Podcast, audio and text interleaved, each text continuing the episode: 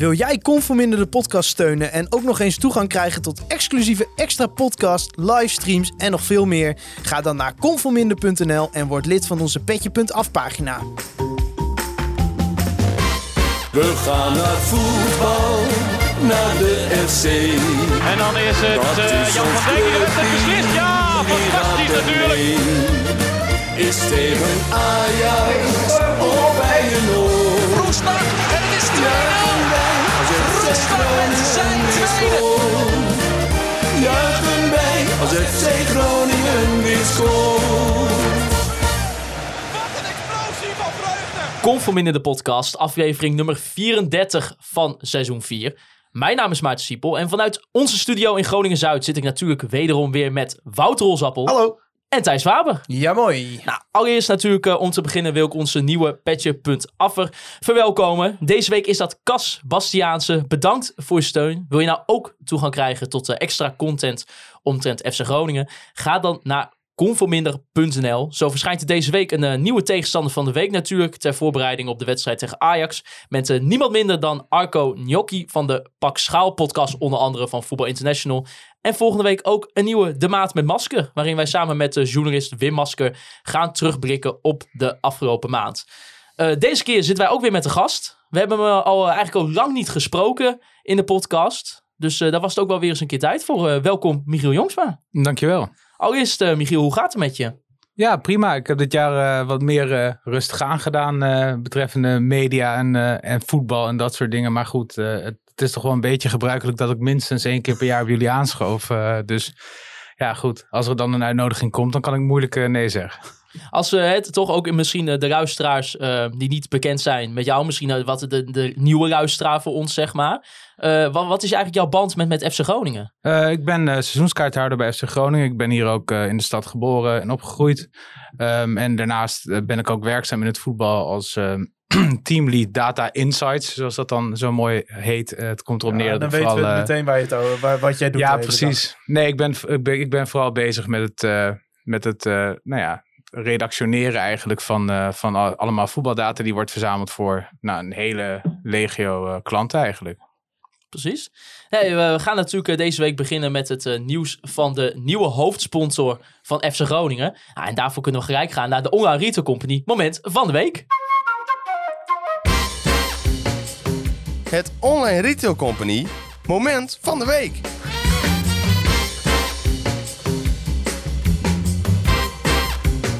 Ja, een sponsorbericht over de nieuwe hoofdsponsor van FC Groningen. Ja, dat, dat kon natuurlijk niet anders, Holst. Toen jij had uitgevonden Ja. dat Orange Gas slash OC of OG Clean Fuels binnenkort de nieuwe hoofdsponsor is van FC Groningen. Ja, ja, Hoe ja. kwam dat, Holst? Hoe ben je erachter gekomen? Nou ja, eh, eh, eh, eh, kaboutertjes, die hebben me dat ingefluisterd. Nee, ik ging op Google zoeken op de term nieuwe hoofdsponsor FC Groningen. Ik dacht, nou, laten we daar eens op zoeken. En eh, ik scrollde wat en in één keer denk ik, bingo. Ik zie gewoon eh, nou, die, die site en ik zie gewoon, eh, ik weet niet meer hoe dat stond, OG Clean Fuel of zo, weet ik veel, Orange Gas. Eh, eh, presenteert nieuw, weet ik veel, zoiets. Present, ik kan, kan een screenshot er misschien even bij eh, vissen. Dat is misschien iets. Zij hadden een nieuwsbericht handiger. op de site waarin zij aankondigden dat zij de nieuwe hoofdsponsor van FC Groningen waren. Juist, maar ik vind het wel leuk om dat even... SEO-specialisten daar. Ja, we, we hadden het er ook over inderdaad. Dat heeft dus met, met inderdaad SEO te maken. Search Engine Optimization. Eh, als je dan een eh, bericht onder embargo klaarzet. Ja, het wordt een beetje een technisch verhaal. Maar het, het duidt misschien wel even hoe dit tot stand is gekomen. Eh, ehm, als je dan zo'n bericht alvast inplant of klaarzet. dan gaat dat, als je je SEO goed hebt ingesteld. dan gaat hij dat alvast in de Google search eh, proppen. En dan kan het dus voor iedereen gevonden worden. Dat is een veel voorkomend probleem bij onder andere nieuwsorganisaties. Die hebben daar allemaal een oplossing eh, voor. Maar ja, als jij eh, biologisch gas produceert, want dat is wat ze doen volgens mij, heb je dat misschien niet als je prioriteit om ervoor te zorgen dat je nieuwsberichten onder embargo niet in de Google search komen. Eh, maar dat is hier dus wel gebeurd. En dat, eh, Ja. dat leverde eh, de heer Holsappel naast mij een, ja, een brandende primeur op. Zo, ja, ja, ja. Want jij, ja. jij hebt meteen Wouter Gudde gebeld. Nou, geappt. Ik heb hem even een screenshotje gestuurd. En Wouter Gudde, die, die vindt onze podcast natuurlijk geweldig. Dus die belt mij direct en die, die begint het gesprek met... Jij vieze riooljournalist, hoe kom je hier nou weer achter? Dus ik leg dat even uit. En toen moest hij er ook wel om lachen. Dat natuurlijk, ja... Dat is inderdaad wat jij zegt. Het een beetje, hè, zodat je zo'n bericht klaarzet. En, en dan net niet weet dat het dan al te, te vinden is. Dus eh wij gingen er heel sportief mee om. En dan gaf direct aan van ja, we zijn in onderhandeling. En eh, we hopen dat het snel rondkomt. Nou ja, het is nu, wij nemen op maandagavond op. En morgen om drie uur dinsdag is er dus een persconferentie.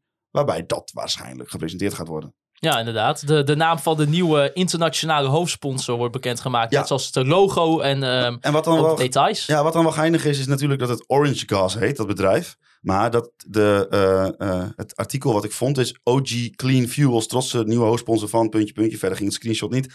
Eh, en dat dus op 1 april eh, hun naam ook verandert van Orange Gas naar OG Clean Fuels. Ah, geweldig. Zijn we weer helemaal op de hoogte. Nou ja, precies. Nou, bedoel, het is, om er even een serieuze noot aan toe te voegen. eh, het is wel echt in, in een tijd waarin heel veel clubs in Nederland eh, enorm struggelen met een hoofdsponsor vinden. Is het wel echt knap dat je, dat je na zo'n klap van een hoofdsponsor die failliet gaat. eh, ja, eigenlijk binnen het lopende seizoen daar al een vervanger voor weet te vinden. Eh, dus ja, dat is eh, Ja. top. Het is wel goed mogelijk dat het alleen dus voor het eerste elftal is. Ja, Dat dat, weet- dat, dat weet ik nog niet helemaal. gerucht heb ik in de Weten wandelgangen ook Weten gehoord. we niet helemaal zeker, maar die Dus kans- dat ze voor de jeugd nog voor een andere partij gaan zoeken. Maar goed, dat zal morgen meer over bekend Precies, dat worden. eh, weet ik niet zeker in ieder geval. Ja, en we gaan het shirt zien, hè? Het bedoel, shirt komt er gelijk inderdaad. op als ja, het het goed is. eh, aanstaande zaterdag wordt erin gespeeld. Iemand had er toch al wat ingefotoshopt of was dat van het Nou bedrijf ja, zelf? dat- nee, dat was van het bedrijf zelf. Wij Ja, zijn natuurlijk zal dat wel als, als journalisten als wij zijn, zijn wij verder gaan zoeken. En eh, ja, toen kwamen we ook nog foto's tegen, gefotoshopte foto's waar het logo al op het shirt stond. Dus Nou, ook, kijk, ik bedoel, ik bedoel, hoe belangrijk is het? Maar ik vind het altijd lekker als een hoofdsponsor een beetje goed op het shirt staat. Als het er ongeveer zo uit gaat zien als het inderdaad is op, eh, zoals het op de fotootjes stond. Ja, dan ben ik daar wel blij mee als, Ja, eh, als mode-expert van deze podcast. het is wel... Ik vind wel die kleur groen van Orange Gas, die is een beetje lichtgroen. Ja. Ik hoop wel dat dat FC Groningen groen komt, want anders gaat het een beetje vloeken op het shirt. Nou, en ik ben benieuwd hoe eh, dat is, want ze gaat dus ook nog in het uitshirt spelen natuurlijk. Ja, of dat er wel in het goud opkomt, want anders ben je dat prachtige uitshirt helemaal aan het verkloten natuurlijk. Ja, ik ben bang dat eh, Van Hurley eh, nog de druk mee bezig is de komende weken. het eh, naaiatelier dat de shirts repareert, inderdaad. Ja. Maar eh, Thijs, ehm, OG Clean Fuels, geweldig bedrijf. Ik bedoel, duurzame energie, daar zijn wij natuurlijk ook als Conforminder de podcast voor. Hè, met onze groene kleur van de podcast. Maar jij weet ook een heel mooi bedrijf. Ja, en dat is dus de sponsor van dit item. En dat is de Online Retail Company. Nou ja, die zijn natuurlijk al het hele seizoen onze sponsor. Eh, en de Online Retail Company houdt er niet midden in het seizoen mee op, eh, gelukkig, eh, zoals Office Center dat wel deed. Maar ja, de Online Retail Company bestaat 15 jaar dit jaar. En eh, ik had deze week even contact eh, met, eh, met eh, de eigenaar van de Online Retail Company. En die zei, laten we daar eens even een actie mee doen. En eh, nou ja, dat gaan we dus doen. 15 jaar de Online Retail Company. En eh, ja, om dat te vieren, vanaf dit moment 15% korting Wat? op het volledige assortiment Dus van de Online Retail Dus even, Company. even hypothetisch, hè? Stel, Nou- je, hebt een, je hebt een primeur binnengehaald voor OogTV en komt Ja. in de podcast. En na zo'n lange dag werken denk je, ik wil even lekker ontspannen. Dan, ga, dan kun je dus naar opblaasspa.com. Dan kun je bijvoorbeeld eh, de Intex Pure Spa Bubble Therapy plus HWS 4 persoons aanschaffen. Die is momenteel al 100 euro in de sale. En daar gaat dan nog 15% van af. Jezus. Ja, maar even serieus, waarom zou je dat niet kopen nu? Ja, ik 15 weet Je bent niet. duurder uit als je het niet doet, zeg Nee, maar. ja, ik wou precies. zeggen van, je bent die van je eigen portemonnee jij je niet krijgt, zo'n wel- jij krijgt die koopwoede van, hè? Ja, ongelooflijk. Want ja, ze hebben 15 webshops. Dus je hebt 15 verschillende gespecialiseerde webshops waar je dan 15% korting Ja, krijgt. en Nou hoe krijg je die korting? ja, eh, met de code KVM. Bij het afrekenen, Nou, hoofdletter KVM, ik zou eh, 15% willen korting. zeggen, eh, waarvan?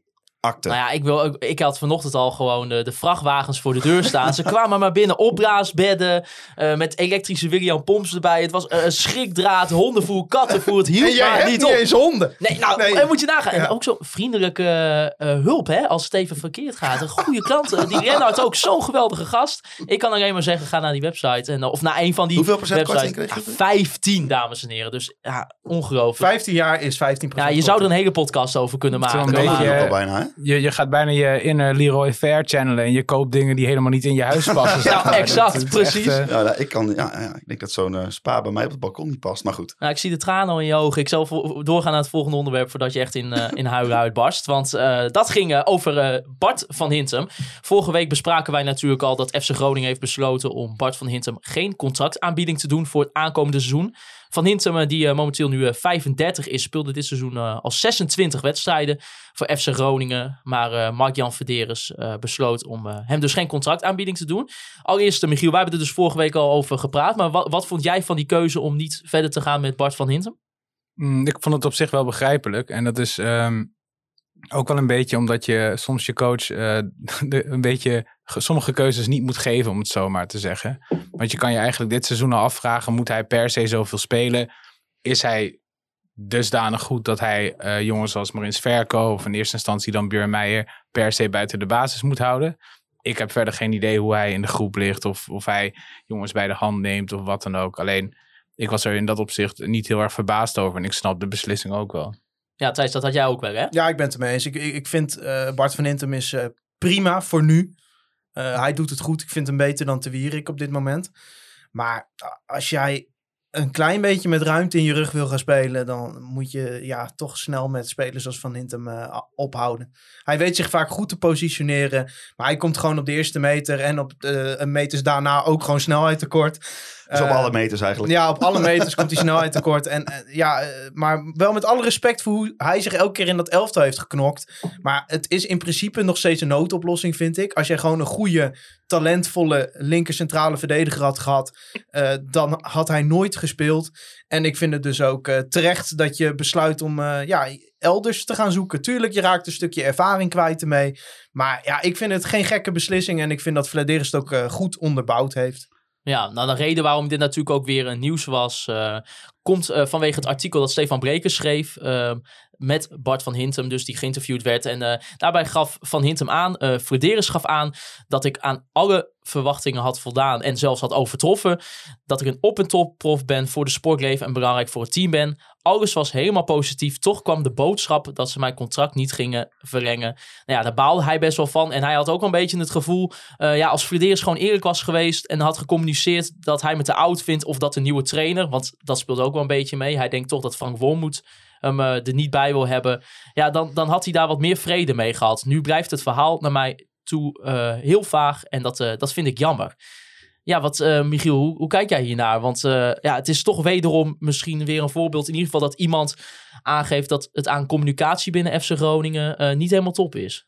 Ja, als je hem zo hoort, dan kan ik me dat ook wel een beetje voorstellen. Want het klinkt ook inderdaad alsof er gewoon heel veel positieve dingen worden genoemd. En dan, ik bedoel, als er geen eens ruimte is voor een onderhandeling of wat dan ook. Ik weet ook niet hoe Van Hintem daarin had gestaan hoor. Voor hetzelfde geld had hij gezegd van nou, ik doe het voor, eh, voor een paar tientjes per week, lijkt me sterk. Maar eh, dan, dan, dan snap ik die eh, woede bij woede, onvrede bij Bart Van Hintem wel.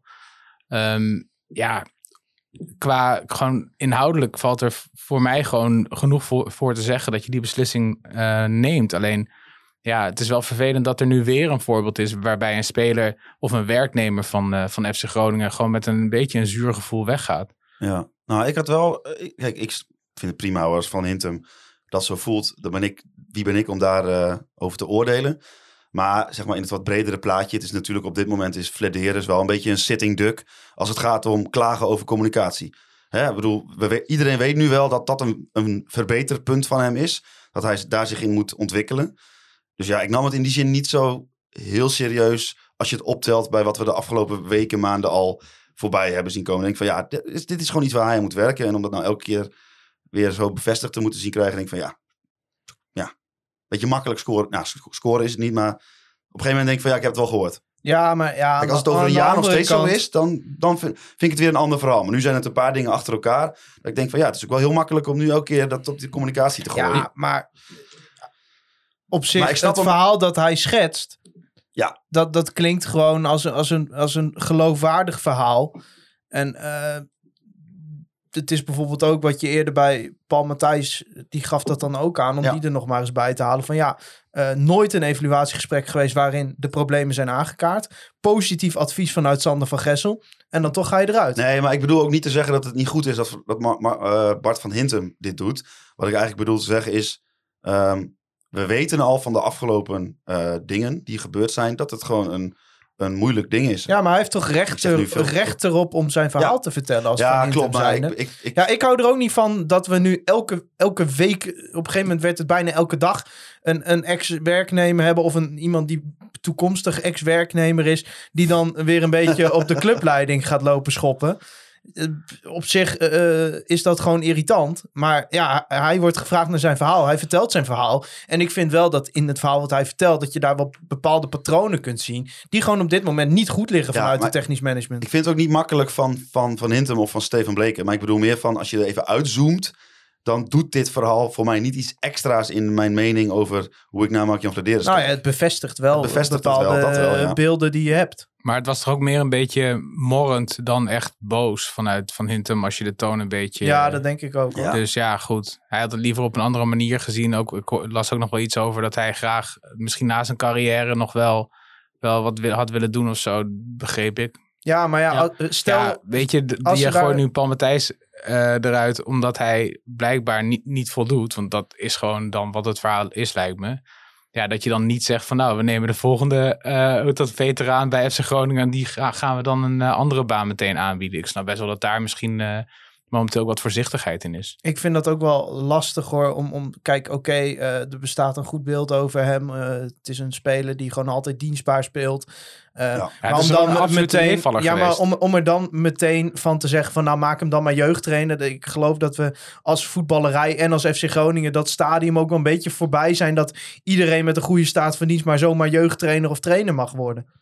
Ja, dat, dat vind ik dus ook. Dus Dat- ja, dat laat het maar ik- zien eh, dat je het in huis hebt om een goede trainer te zijn. Maar wij weten toch niet of hij dat is. En misschien Mark-Jan Vladeris kan dat wel goed beoordelen of hij dat in zich heeft. Maar, ja, maar Nou, hij, kan toch... in, hij kan in ieder geval beoordelen of hij zo'n rol ziet voor eh, Van Hinten binnen zijn Ja, organisatie. nou, dat heeft hij het, gedaan ja. en uh, besloot om dat niet te doen. En dat mag hij doen. Hij heeft goed verklaard waarom Van Hintem, in ieder geval naar ons toe, naar buiten toe, heeft hij goed verklaard waarom je niet doorgaat met Van Hintem. Nou ja, dan is wat mij betreft de kous ermee af. Ja, dat dat intern niet uh, goed gecommuniceerd is, dat hebben we wel vaker gemerkt. En ik hoop dat dat gewoon iets is wat Flederis oppakt. Maar toch vind ik het wel echt bijzonder dat hij dan op de, in het artikel met uh, Stefan ook zegt van... Ja, op, op, de, op de clubsite kon ik mijn verhaal niet helemaal kwijt, dus doe ik het hier maar even of zo. Weet ja, je? dat is ook zo bijzonder dat je dat überhaupt zegt, vind ik al raar. Want, want ja, ja uh, bel de perschef op Kijk, en zeg dat even. En maar vooral op, vooropstellen, hij heeft echt al het recht om alles te zeggen wat hij wil over wat dan ook bij FC. Dat moet hij helemaal zelf weten. Maar ik denk wel, als ik, het even, als ik me in hem zou verplaatsen, je kunt ook gewoon dat niet doen en denken van, weet je, ja, ik vind het wel, maar ja, ik ga lekker op zoek naar een nieuwe uitdaging en ik ga hier met uh, uh, een positieve noot ga ik hieruit. Maar hij zei toch ook al dat hij bijna rond was met de nieuwe club? Ja. ja. Dus het voelt ook wel een beetje inderdaad van het sentiment valt een bepaalde kant op en ik doe ook nog een duit in het ja. Zo, niet ja, blij dat, om, ik zeg niet dat ja. het zijn intentie is, maar zo komt het een ja. beetje zo over, ja. Ja, ja en ik, ik heb ook zoiets van, ja oké, okay, dat, je, dat je dat dan zegt. Waarom zeg je dat? Waarom, uh, weet je, wat ik zeg, bel de perschef op en zeg van, hé, hey, uh, zou ik misschien ook even mijn woordje uh, kunnen doen? Ik kan me niet voorstellen dat ze dan zeggen, nou ja, sorry uh, Bart, je krijgt twee zinnen en dat is het. Nou ja, Dus- dan, ja, weet je, aan de andere kant hadden we heel gauw een reactie van Adrie Poldervaart en Danny Buis op de website staan. uh, toen hun contract bijvoorbeeld niet werd verwerkt. Nou, als ze dat gewild had, had het gekund, denk ik toch? Nou, dat is de maar goed, vraag, ik vind dat gewoon, weet ik niet. Maar ik vind het, zeg maar, in het geval van Bart van vraag. vind ik het persoonlijk jammer dat we het hierover moeten hebben. En niet over dat het gewoon eigenlijk, dat hij eigenlijk als een soort ja, backup uh, naar Groningen gehaald is. En dat hij gewoon inderdaad uh, uh, eigenlijk constant uh, het ongelijk van de critici, critici hebben, heeft bewezen. En hij stond er wanneer die nodig was. Dat is toch best wel knap voor, ja, maar voor het, hem. het is, het, de grap met hem is, hij is een absolute meevaller geweest. Niemand had verwacht dat hij het zo goed zou doen. Dat in dat opzicht... Met alle respect natuurlijk voor zijn kwaliteit. Ja, super top. Alleen, dit is ook het beste team of de beste club waar hij zo'n beetje voor heeft gespeeld. Op deze leeftijd. Ja, het is niet zo dat hij nog uh, heel veel ervaring van een hoger niveau meebrengt. Dat hij misschien nog over Ja. kan brengen op de spelersgroep of wat dan ook. Is niet het Wiegers Maduro die aanschuift en Nee. zegt van nou weet je wat uh, Even Banega uh, altijd deed op de training of weet ik veel wat. Maar ja, dat maakt toch wel even een iets andere Ja. indruk als mentor in zo'n selectie. En ik weet niet of dat meespeelt. En misschien is Bart van Hintem hartstikke waardevol hoor, voor de jonge jongens. Dat kan, ik niet, dat kan ik ook niet beoordelen van buitenaf. Maar ja, als je dit hoort, dan is dat in ieder geval niet genoeg geweest om met hem door te willen. En dat, ja, dat, is, dat is de club, uh, club zijn goed recht. Ja, maar eh, ook dat stukje over voormoed, daar spreekt dan ook wel wat frustratie uit, weet je. Want uh, nou ja, het is bekend dat Wormoed die koos voor Sibora bij Heracles. Nou, dat heeft redelijk goed uitgepakt. Daardoor kwam Van Hintem op een, op een zijspoor en daardoor ja, kwam hij eigenlijk vrij om naar Groningen te gaan. Om dan nu in, in zeg maar een soort van je afscheidsinterview dan de nieuwe trainer nog een trap na te geven, vind ik eigenlijk ook niet heel collegiaal. Ja, ja, ik weet niet of het zo heftig is. Ik bedoel... Ja, maar hij kant- brengt het een beetje eh, als van, ach ja, het zij zo, dat soort dingen. Maar eigenlijk wil hij wel dat bepaalde dingen gezegd zijn. Maar het is toch ook heel gek dat je de nieuwe trainer noemt en een beetje daar naar verwijst van ja, dat zal wel een rol spelen op een manier dat je het er niet mee eens speelt dat bent. een rol. Terwijl ik denk van, ja, maar dat is het toch het idee van de nieuwe trainer. Die heeft een visie op voetbal. Ja. En als je daar niet in past, waarom zou je dan in godsnaam iemands contract verlengen? Ja, en stel ze hadden wel verlengd en de trainer die zag niks in hem, dan had hij een heel jaar op de bank gezeten. En dan? Ja, dan heb je misschien wel een bron van onrust in Ja. je selectie, weet ik veel. Ja, dus nou ja. En afgezien daarvan, maar dat is misschien een wat bredere discussie. Als je kijkt naar de huidige selectie, eh, het voetbal wat Wormoed graag zou willen spelen. En het voetbal dat, dat ik denk dat heel veel Groningers willen zien, is niet het voetbal waar Bart van Hintem het meest geschikt voor is. Nee. Nee. Maar toch, hè, er er komt daar toch wel weer wat kritiek op, eh, op de communicatieafdeling van FC Groningen. Die is Hoe- wel terecht. Ja, maar hoe, ja, hoe heb jij daar, hè, want we hebben hier natuurlijk lang niet gesproken, hoe heb jij daar eigenlijk de afgelopen maanden naar zitten kijken? Ehm, ja, op zich, ik heb daar niet een hele sterke mening over. Ik vind wel dat er duidelijk dingen wel, wel wat beter kunnen. Ik denk dat je een stuk transparanter kan zijn. Ik denk ook vooral, en dit is het meeste wat me is bijgebleven in dat opzicht, wees dingen gewoon voor. Want je krijgt nu de hele tijd dat er, eh, hoe dat, dat er al iets lekt over een eh, ontevreden werknemer. En dat zijpelt een beetje naar buiten. Dan komt eh, Groningen snel, dat is vooral bij Paul Matthijs natuurlijk zo, snel met een statement waar eh, Matthijs dan weer niet tevreden over is. Als je als club van tevoren misschien zegt, weet je, wij, zijn, wij denken dat we hier een, een, eh, een, gewoon een vernieuwender persoon, of weet ik veel wat de gedachte erachter is, eh, dat we die kunnen neerzetten. Of vind alvast een opvolger en zet die neer. Eh, begreep dat Melchior Schoenmaker Ja, die eh, neemt het over. ja. neemt het over. Vanaf volgend seizoen ook. Ja, dan zeg je gewoon van wij vinden dat Melchior zich dusdanig goed heeft ontwikkeld. eh, en dat hij, dat hij meer past bij het voetbal of de, de filosofie die wij hier willen neerleggen. En dat is de reden dat we niet doorgaan met Paul Matthijs. Dan, is er, dan kan Paul Matthijs nog steeds gefrustreerd zijn. En dat snap ik ook wel, want het gaat hem natuurlijk ook echt aan het hart. Niet alleen vanwege het feit dat je je ba- baan verliest, maar hij loopt er natuurlijk al zo lang rond. Alleen dan ben je wel gewoon heel duidelijk in wat je met die positie verder van plan bent. En voelt het waarschijnlijk eh, ook misschien iets minder eh, persoonlijk of, of wat dan ook. En Ja. ik denk dat die com- dat, dat communicatieverhaal, ja, ja dat, kan gewoon, dat kan gewoon veel beter. Maar Ja, dat was dat toch met buis, beetje- met buis in die zin toch ook zo dat... eh, daar hebben wij het ook wel over gehad. Dat je had dat statement waarin je aankondigde dat je niet do- doorging met Danny Buis. Ook iets wat ook al maanden een beetje in de geruchtenmolen zat. Ja, Nou, een van de dingen is dat hij zelf ontkent dat, dat het tot een week voor het evaluatiegesprek aan de orde was dat Danny eruit zou gaan. Terwijl Danny zelf ook aangeeft het gevoel al langer te hebben dat ze niet met hem doorgingen. Maar ook een van die dingen is van ja, als je dat statement toen de tijd gewoon beter had aangepakt, dan had je ook minder vragen erover gehad.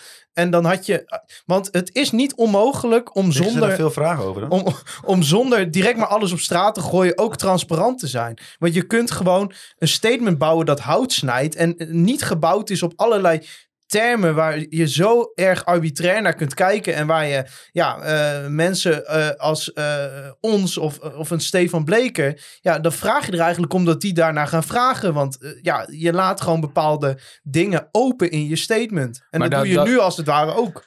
Maar dat, Tegen is, dat, Van dat Hintem. is het ook. Je kan ook eerst het gesprek aangaan. Of je kan eerst intern het gesprek aangaan met een klankbord. En je zegt van nou, we, we- dit is de beweegreden. eh, of de beweegredenen waarom we iets doen. En we snappen dat dit misschien niet helemaal lekker eruit komt. Dus hoe kunnen we dit beter Ja. zeggen of duidelijker maken? Want nou ja, Danny Buis, oké, dat is nu wel, wel, wel heel lang geleden, zeg maar. Ja, maar Paul Ehm, Matthijs ook. Die kreeg één zinnetje. Dat voelde ze niet aan dat dat dan ophef ging opleveren. Ja, dat is, eh, dat is eh, zonde. Maar bij, om even naar Buis terug te gaan. Kijk, daar, wat ik daar gewoon, gewoon heel gek vond was... Danny Buis heeft zich altijd duidelijk uitgesproken over... ik wil een meer ervaren selectie en ik wil eh, puur subtop voetballen.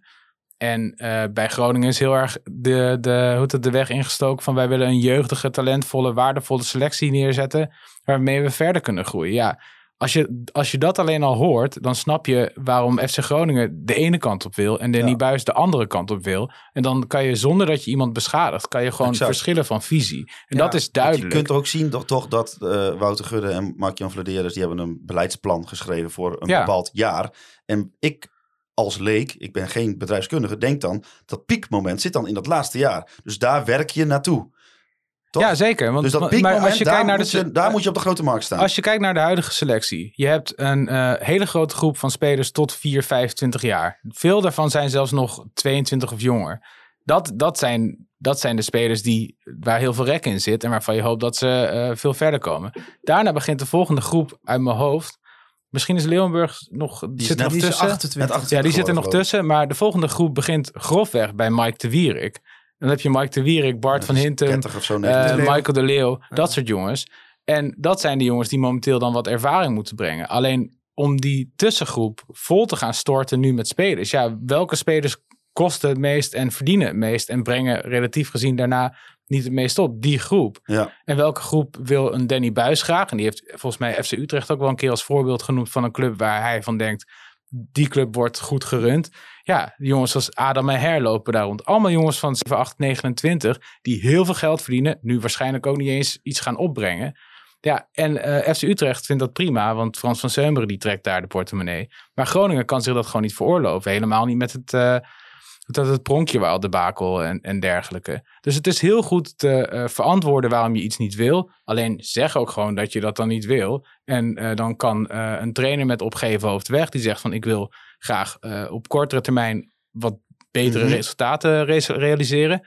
En dan kan een club zeggen van ja, wij zijn daar nog niet klaar voor. Want we zijn Ja. onze organisatie aan En het als je, neerzetten en de selectie en aan als het je geluk hebt, kun je altijd omhoog vallen met je selectie. Hè? Ja, maar precies. dat zie je nu toch Dat ook. zie je nu ook. Want, geluk, het is eh, natuurlijk ook omdat je ook gewoon weet dat je een technische staf hebt die tot nu toe ieder seizoen wel een bepaalde ontwikkeling uit de groep heeft gehad, had je best kunnen verwachten dat dat dit seizoen weer zou gaan Nou ja, en daarnaast... Maar je hebt weinig zekerheid ingebouwd. Maar ze zijn daar verder, eh, als je het over transparantie hebt, er is elke keer wel gehamerd van ja, maar ja, er moet wel eh, gewoon eh play-offs gaan. Maar daarnaast Thijs, zo'n Duarte, eh, dat heeft het eerste hal, heeft een half jaar moeten duren. Maar die begint nu ook te, te laten zien waarom Matusiwa niet per se direct vervangen had gehoeven. Alleen ja, dan je hebt wel een half jaar waar dat, waar dat dan even in blijft sudderen. Waar het niet echt, hè, waarin je dat gevoel wel hebt. Nee, maar nu zie je eigenlijk dat het wel kan. aan de andere Dus kant... hij heeft het wel goed gezien, Flederis, met, met, die- met, dat, met Duarte. Alleen ja, dat duurt gewoon even voordat, voordat dat zichtbaar is. Nou, aan, aan de andere kant denk ik ook van als je kijkt naar het eerste jaar van Buis, waar eh, halverwege het seizoen een heel, eh, heel blik aan huurlingen en weet ik veel wat Ja. voor eh, veteranen moest worden Toen ging hij opengetrokken.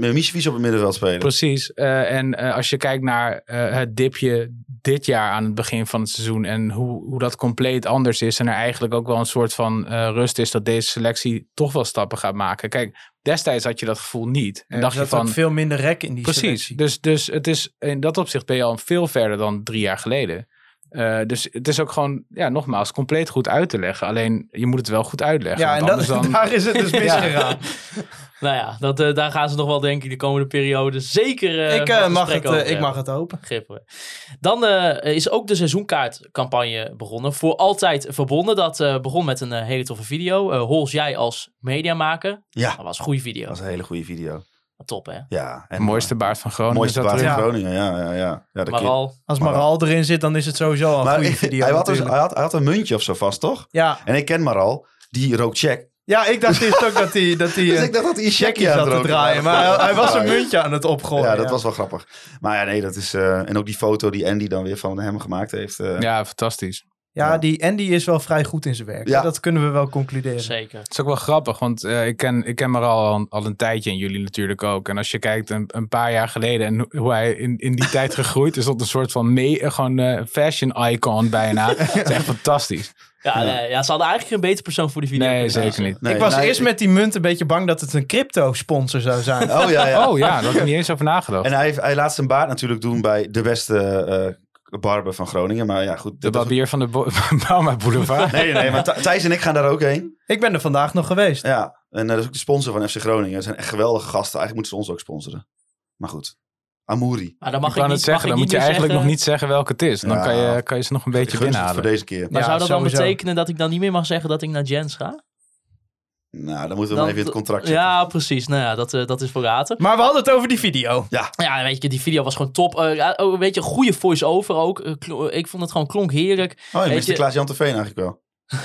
ja, ja, ja. Nee, Nee, grap. Ik vond het ook een goede voice. Ja, nee, maar ik bedoel, kom op. je ziet ook wel eens bij andere clubs dat het dan... eh, ja, gewoon dat het gewoon toch een beetje... Het wordt Nou, het een kan- beetje cringe. het kan een beetje cliché Maral had, van mij, had het van mij zelf wel mogen doen. Ja, maar ja, had dat niemand was er wat ook van verstaan. Nee, nee, Weet ik niet hoor.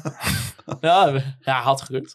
Weet je? Ja, ik, ik, ik, denk- ik heb wel eens ge- gewoon, in een, een, een, een eh, informele bui tegen Maral gezegd van kom een keer bij ons in de podcast. En dan zei hij ook van, nou, niemand verstaat mij toch. Nee, nou ja. Dus dat is wel mooi. Nee, maar je ziet inderdaad soms wel ook in, in dat soort video's, wat, wat Thijs ook zegt, van die clichés. Of ik, ik kan me ook herinneren, eh, dat, dat kwam omdat een van onze Heracles vrienden dat ook benoemde. Van ja, je, ziet, je zag dan bij ons, dan werd er zo'n video met zo'n voice-over. En dan moest het weer per se iemand met een Twents accent zijn. En het is altijd het is soms zo gebruik maken van clichés. Maar dit was gewoon, was gewoon top gedaan. Het, Ja. het, het- ze sloeg echt de, ja, de plank gewoon go- goed raak. En eh, nou ja, we gaan zien wat, wat voor eh, effect het heeft. Ehm, ik was natuurlijk wel ook even benieuwd van wat is nou op dit moment, we zijn nu een paar dagen onderweg. eh, ja, de status van de seizoenkaarten tot nu toe. Iedereen die een seizoenskaart heeft, die heeft natuurlijk al een, een tijdje geleden de vragenlijst ontvangen omtrent de tegemoetkoming. Daarbij had je drie opties. Je kon je tegemoetkoming doneren. Het eh, ontvangen van de geldelijke tegemoetkoming. Dus dat je het gewoon weer terugkreeg op je rekening. Of eventueel eh, korting op je seizoenkaart voor volgend seizoen. Nou, nu heb ik even aan Edwin Vroma van FC Groningen gevraagd. Nou, hoe staat het daar nou mee? Nou, in totaal ehm, is de bedoeling dat alle seizoenkaarthouders natuurlijk die vragenlijst gaan invullen. Dat zijn er eh, momenteel ongeveer eh, 11.300. Eh, daarvan hebben eh 6.466 mensen het tot nu toe ingevuld. Dus eh, nou, zit je pakken beter op iets meer eh, dan de helft. Eh, waarvan 55,6% korting ontvangt voor het volgend seizoen. Eh 31,1%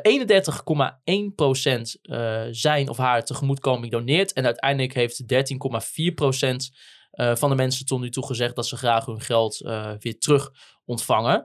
Nou, dat betekent dat er eh, momenteel 3593 Dat heeft die man een mensen zijn gedaan of niet? die, eh, die korting eh, willen op hun seizoenkaart. Dus je kan er eigenlijk in ieder geval vanuit gaan dat je dat aantal seizoenkaarthouders al sowieso binnen hebt. Ehm, alleen hebben al die mensen of nog niet die kortingscode tot nu toe gebruikt, of ze moeten nog hun mail ontvangen met de kortingscode. Want ja, op het moment dat je je seizoenkaart wordt natuurlijk niet zomaar verlengd. Nee, maar Dus, ik, dacht, ik had ook dat, dat ingevuld. En toen kreeg ik ook een mailtje. Ik dacht van, Jos, doe eens rustig. Kom, kom wel goed. Ja, ja, nou ja, maar ja, ze willen toch eh, dat je de, natuurlijk snel die seizoenkaart aanschaft. En eh, nou, in ieder geval wat nu dan de status is van, eh, van het aantal seizoenkaarten is bijna 3000. eh, inclusief de meerjaarkaarten. Ja, dat betekent dus dat je dus ook nog wel mensen hebt dus die wel al de kortingscode hebben ontvangen, maar gewoon nog niet de seizoenkaart hebben eh, aangeschaft. Nou ja, en ook eh, de vraag vanuit Edwin Vroma, heb je nog niet die vragenlijst ingevuld? Eh, doe dat dan wel even, want dat is voor de club ook wel fijn om te weten waar het momenteel staat in dat traject ja, je zit nu op ongeveer, nou, in ieder geval meer dan de helft die het al heeft ingevuld. Maar ja, dat, dat moet eigenlijk natuurlijk wel iedereen worden. Maar ik, weet, eh, eh, is het altijd deze periode dat eh, die, die campagne begint? Het voelt wel heel vroeg. Ja, het voelt heel vroeg, Iets ja. Maar later volgens, volgens mij. Maar dit zijn altijd ja. van die momenten dat Bas Kammerga ons Nou, het is niet corrigeert. helemaal- trouwens, ik bedenk me daar, dat inderdaad net ook. Ik weet nog wel ergens, vrij kort in 2018 volgens mij, dat ik toen, eh, toen kreeg steeds de eerste 500 verlengers of zo, eh, kreeg je dan eh, twee kaarten gratis. Ja. Toen heb ik destijds nog twee kaarten gekregen voor Groningen Excelsior, geloof ik. En dat was een aprilwedstrijd. Dus Ja, in dat precies. opzicht zal het grofweg wel, wel kloppen. Dus voordat Bas weer boos belt en appt en weet ik veel wat. ja, Bas Kammerga die hamert er altijd op zo vroeg mogelijk beginnen. Ja, Eigenlijk, precies. eigenlijk wil Bas bij de eerste competitiewedstrijd van het seizoen al dat FC Groningen begint met de campagne voor de nieuwe seizoenkaart voor het volgende seizoen. Ja. Ah, ik ben benieuwd hoeveel seizoenkaarten we gaan eh, verkopen eh, dit jaar. Natuurlijk was 11.300. Ik- Even kijken, ik weet niet wat het seizoen daarvoor was. Ja, dat was ook wel veel vanwege Arjen Robben toen. Maar Ja. volgens mij zijn er best wel veel mensen daarvan gebleven. Ja, precies. Weet je, en dat is sowieso al een positieve ontwikkeling. Want ja, het, ik bedoel, je had ook kunnen verwachten misschien dat mensen dachten... ik hou een seizoenkaart voor Arjen Robben. En nou, zodra het weer klaar is, ga ik niet naar het Ah, voetbal we hebben natuurlijk sowieso de laatste wedstrijden verkoopt Noord eigenlijk structureel uit. Ja. Dus eh, ja, je kan ook verwachten dat dat met seizoenkaarten ook wel wat gaan doen. Wij hebben ook nu een vriend van ons die eh, vaak eh, meeging en nu ineens ook een seizoenkaart voor volgend seizoen heeft gehaald. Dus ja, Ja, en vergeet ook niet, hè, tegen NEC meer dan 20.000 man in het stadion. Ja, Ja, ik, ik kan me niet, de, ik- tenminste, ja, dat, ik heb niet zo de cijfers bij me van eerdere. RKC, thuiswedstrijden. RKC was uitverkocht vlak voor eh, de laatste lockdown. ja, precies. Maar kijk, weet je, ik bedoel, in, in, daarvoor eh, speelden we echt niet eh, met 20.000 man tegen NEC. klopt. dus weet je, dat- ik bedoel, misschien, misschien trekt het voetbal ook weer een beetje aan. En, eh, Dat was ook wel een goede wedstrijd voor 20.000 man ja, bedoel, ja. Dus eh, Maar het is wel grappig, want Groningen doet het eigenlijk eh, de laatste jaren, dat was onder Van der Looy ook al zo, gewoon in de lente vaak gewoon in één keer heel goed. En bij Buis is dat ook altijd zo geweest. Ja, bal vorig seizoen. Hè? Behalve vorig seizoen, ja. Maar gewoon echt wel een aantal keer dat je gewoon op dat moment echt op stoom raakt. En dan is Ja. het wel heel erg lekker dat je zo'n eh, seizoenkaart eh, verkoop Ja, weer een beetje aan kan jagen. Want je gaat liever kijken naar een club in de lijn omhoog dan in de lijn naar beneden Ja, precies. natuurlijk. Ja. Nou ja, mocht je nou ook te af willen zien van je compensatie, dan zou je het bedrag ook kunnen doneren aan de stichting eh, Raad ons weer samen jagen, juichen. Ik zag ook onder andere John de Jonge daar eh, wat over tweeten. Het is een, een eh, soort interlude naar Groningen Ajax. Hij denkt van ik gooi een accentje er tegenaan. Ja, precies. Waarmee je dus, nou ja, in ieder geval supporters ook met een kleine portemonnee kan helpen om ook naar FC Groningen te gaan. ja, dat heb ik ook gedaan. Ja, nou ja, Dat is echt een mooi initiatief. Ja, zeker. Eh, ja, dan eh, even over FC Groningen. Dat, eh, dat staat natuurlijk momenteel achtste met eh, 36 punten. Daarmee drie punten op voorsprong eh, van Cambuur en vier punten op NEC. Ja, Michiel, eh, hoe kijk jij eh, naar het huidige seizoen van FC Groningen? Ehm, nou, ik, ik, ja, we hadden het er eh, voor de uitzending al wel even over. En eh, ik heb Thijs ergens in september of oktober er ook een keer over gesproken. Ja, eigenlijk had ik dit gewoon wel verwacht. Ja, want- jij bent altijd wel degene geweest die altijd tegen mij zegt van... Ja, doe nou maar rustig. Dit komt nog wel goed. En de selectie is goed genoeg. En Ja, want als je ook kijkt naar de andere selecties. Het, ja, het, het is niet eens puur de verdiensten van Groningen. Ook al staat er gewoon een hele waardevolle selectie. Alleen, ja, er zijn gewoon momenteel duidelijk tien mindere selecties dan FC Groningen. Je zou geen enkele met FC Groningen momenteel willen ruilen die onder Groningen staat. En dat zegt wel genoeg. nou, NEC Ja. misschien. Ook niet. Nee, qua kapitaal misschien niet, maar qua talent op het veld. Gewoon nu, hè? Gewoon nou, ik... dagkoers. eh, nee. Nee? Nee, als, als je kijkt, ik bedoel, je hebt bij, eh, bij ja, het voetbal was wel bij NEC was wel heel goed. Alleen daar denk ik dat je meer krediet moet geven aan de trainer die het gewoon heel goed aan de praat heeft, heeft gekregen. Maar qua, qua echt puur talent, nee, helemaal Ja, niet. Je Achterin- Dus, eh, bij NEC is de het som misschien echt meer dan ja. de, de Ja, ja, precies. apart, zeg maar. Hoe, hoe, goed- hoe gaat die uitspraak ook alweer?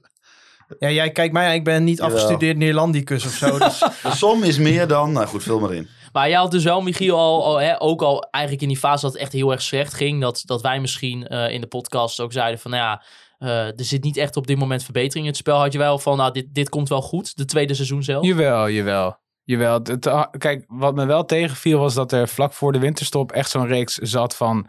Hier kan je eh, echt de stijgende lijn inze- inzetten. En dat gebeurde toen niet. Toen, eh, ja, volgens mij vijf wedstrijden... eh, je speelde vijf wedstrijden tegen teams die allemaal normaal gesproken in het rechte rijtje eindigen.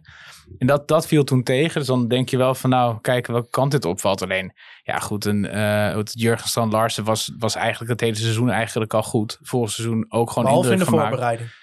Behalve in de voorbereiding. Toen stond eh, Romano Postema nog boven Ja. de hiërarchie. Ja, en, eh, maar gewoon jongens als Postema, eh, Abraham, eh Soeslof natuurlijk, die, die wel een, st- een stukje verder is. eh Casanvirio, je hebt zoveel jonge jongens die, die gewoon bovengemiddeld zijn voor de eredivisie. Tenminste, niet bovengemiddeld in de zin van dat ze nu in één keer naar, naar een Champions League club gaan. Maar het zijn wel het type clubs die vooral naar jongens als Casanvirio en Soeslof gewoon serieus kijken.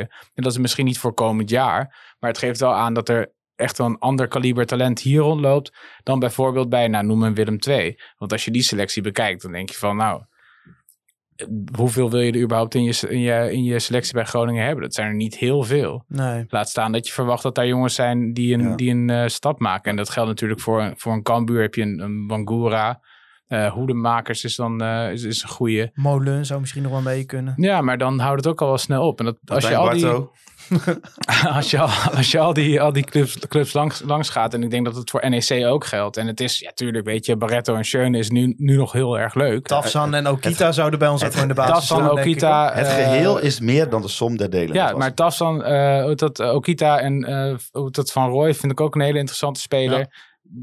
Maar dat, weet je, als je dat vergelijkt, waar die jongens over een paar jaar staan ten opzichte van Soeslof, Casemiro en Strand Larsen nou. Ja, misschien is het gras ook altijd wel groener aan de, aan de Ja. overkant. Toch? Maar je zou eigenlijk dus zeggen dat Groningen zich een beetje in een eh, sportief niemandsland bevindt. Met het gat naar Utrecht, wat toch wel aardig groot is. Ja, nou ja, goed, dat is er nu vier punten. Ja, Ja, Ja, op de maar- ranglijst is, het, ja. is het klein, maar op, op het veld en op papier is het groot.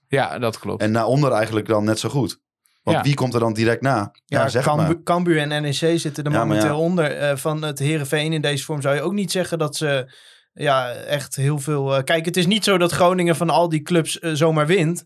Maar Nee. ik, ik ben het wel met jou eens in die zin dat, dat in, onze selectie zit wel iets meer kapitaal aan de ene Ja. kant. En ook wel ook al binnen het seizoen ontwikkeling. Ik zat nog te denken, jij hebt ooit een artikel over Strand Larsen geschreven. Ja. eh, voor Dagblad van het Noorden.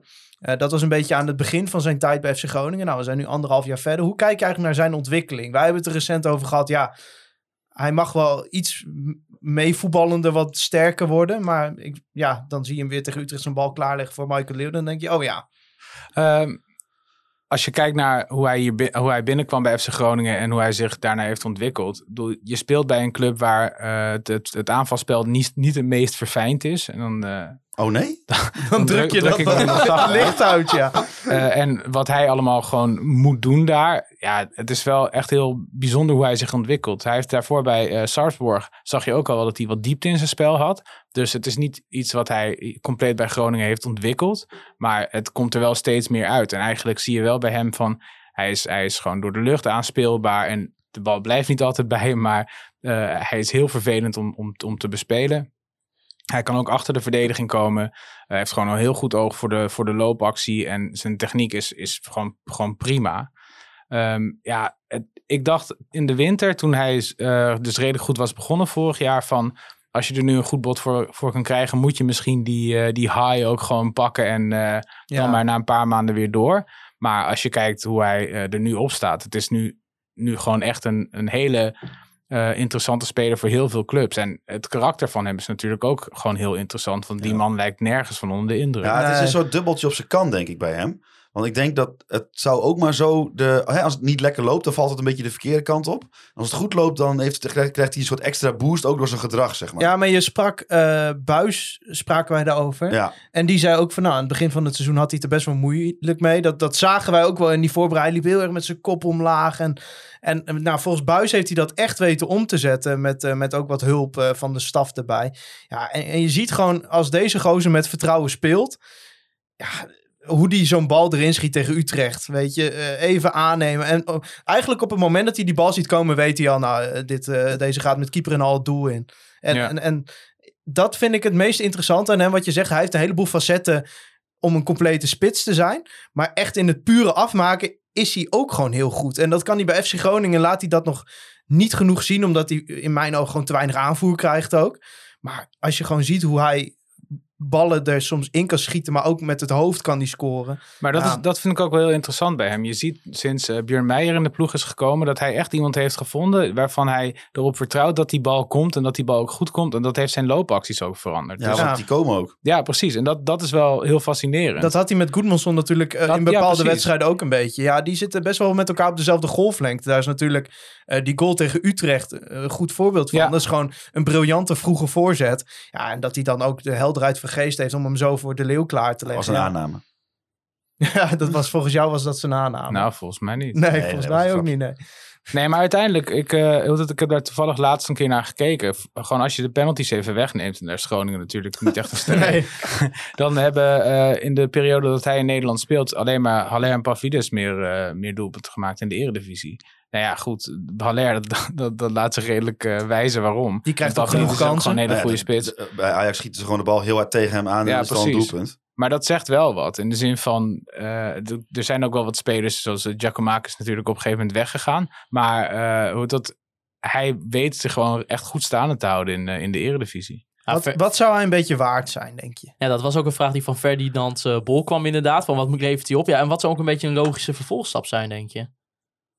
Oh, dat vind ik lastig. Zoals uh, Genua, wat die in de winter eh, kwamen. Nee, dat is, dat is, Dat- eh, dat die is spelen met 10 man niveau. in de eigen 16. Dat zou ik echt niet doen. Het probleem, het probleem met Strand Larsen is, het is een hele aantrekkelijke spits voor heel veel soorten teams. Want hij is lang en hij is, eh, hij is snel. Dus eh, bij een ploeg als eh, Genoa ga je, loop je sneller het risico dat je onder druk die bal maar constant naar voren peert. Nou heeft hij daar enige ervaring mee natuurlijk. Ehm, want dat was bij Sarsborg ook al zo. Oh, Oh, ja, ja. bij Ehm, Jong, Jong Noorwegen ook. toch? Jong Noorwegen ook. Nee, maar hij, hij, hij kan dat wel, maar dan is hij niet op zijn best. En je ziet nu wel dat nu Groningen wat, wat, wat nou, dat, dat er weer wat meer schwung in zit. En dat, dat er gewoon wat meer aanvalspatronen herkenbaar zijn. Hij bloeit eigenlijk eigenlijk helemaal op. Dus ik hoop voor hem eigenlijk gewoon nou, gewoon middenmoot Bundesliga is denk ik gewoon reëel. Ik Eh, zou, als ik hem als niet een ploeg eh, hebben waar je dan zo'n trainer krijgt die dan zegt van nou jongens, eh put it in de box. eh, we hebben een lange spits, gooi maar hoog voorzetten. Maar stel dat, Nee. hij, stel dat hij nog een jaar blijft. Zou hij dan niet eh, de aanvoerder van FC Groningen moeten worden?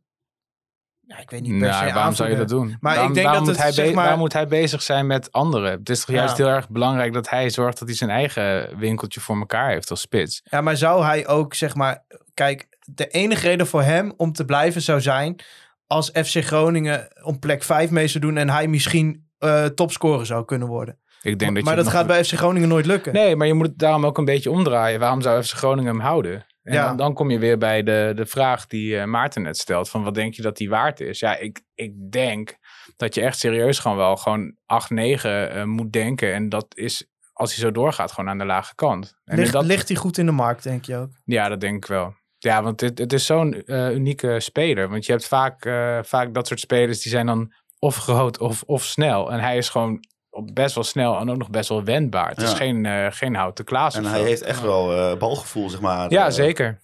ja, hij zeker. schiet er ook nog wel eens een balletje in als hij Het is niet zo dat... krijgt. er- ja, ik, ik heb er wel eens wa- wat van gezegd dat, eh, dat hij soms wat ongeconcentreerd een bal aan, te- aan lijkt te nemen. Maar als hij Ja. echt in de drukte kan hij een bal bij zich houden. Ja, en hij heeft natuurlijk, eh, en dat, dat soort dingen, ik denk dat het wel meespeelt. Hij heeft ook al een jaartje in, in Milaan gezeten. Hij heeft nu hier zich eh, goed, eh, hij, is, hij is goed gesetteld. Dus als persoonlijkheid, want daar heeft men het nooit over bij voetballers op een of andere manier als het over scouting gaat. Maar qua persoonlijkheid lijkt hij ook wel iemand die zich echt wel goed kan aarden in een nieuwe omgeving. Dus in dat opzicht voelt dat ook minder risicovol dan een jongen die eh, voor het eerst eh, op kamers gaat wonen, bij wijze van, eh, Maar- en, en ergens wordt neergezet. Ik denk ook als je van de buitenkant kijkt, want je kunt natuurlijk niet alles eh mee kijken bij zo'n team en hoe dat allemaal gaat. Kijk, je kunt aan zijn fysieke, zijn fysieke kenmerken voldoen, zijn doelpunten voldoen, Ja. hè, dus zijn cijfers voldoen. Maar als je ook ziet uit wat voor, nou een beetje inderdaad wat Thijs al zegt, een beetje een mokkende situatie, wat hij daar persoonlijk mee heeft gedaan. Daar zou ik als club ook naar kijken van oké, dat is dus iemand die echt wel in de spiegel durft te kijken als het wat minder gaat. En zich daar ook eh, hard voor kan maken om daar verbeteringen in aan, eh, aan te, te brengen. Dus ook mentaal krijg je denk ik echt een hele geschikte jongen eh, in je groep. Ja, zeker. Hij is wel knettergek. In, po- in positieve zin.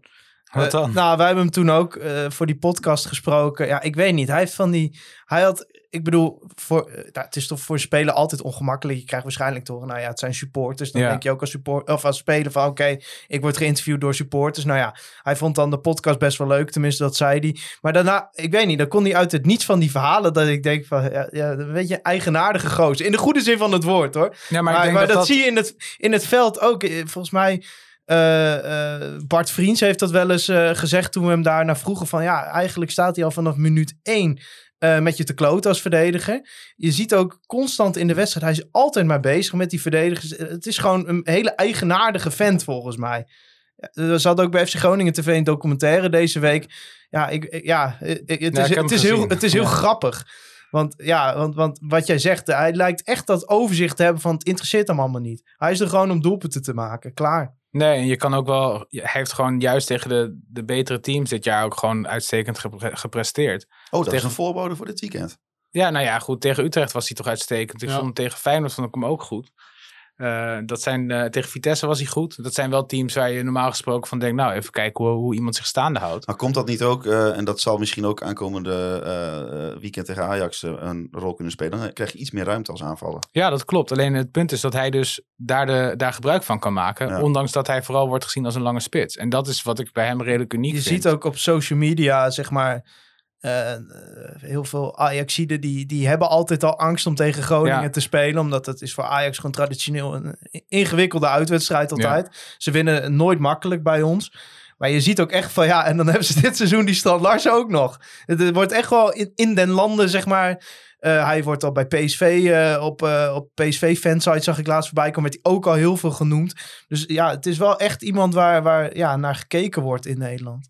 Ja, maar ik, ik, ik denk dat hij in Nederland, behalve dan voor PSV en Ajax natuurlijk, gewoon ook gewoon niet meer betaalbaar Nee, is. voor Feyenoord is hij ook niet betaalbaar. Nee. Nee. Want ja, die werd nog genoemd eh, deze week. Ja, maar als, als Feyenoord hem binnen kan halen, eh, ik denk dat dat echt... Ik denk dat hij de volgend seizoen minimaal 20 goals scoort. Nou, en we hadden het net over, over Flederis en communicatie. Ik weet wel hoe, eh, hoe Flederis communiceert als er een te laag bod binnenkomt van Larsen. Dus in dat opzicht hoef je daar ook geen zorgen Nee, over daar ik maken. geen zorgen over Nee, die maken, gaat zijn nee. hart wel duur verkopen. Ja. Nee, maar hij, hij kan gewoon bij heel veel verschillende teams terecht. En dat is een heel groot voordeel. En als je kijkt dit seizoen naar FC Groningen.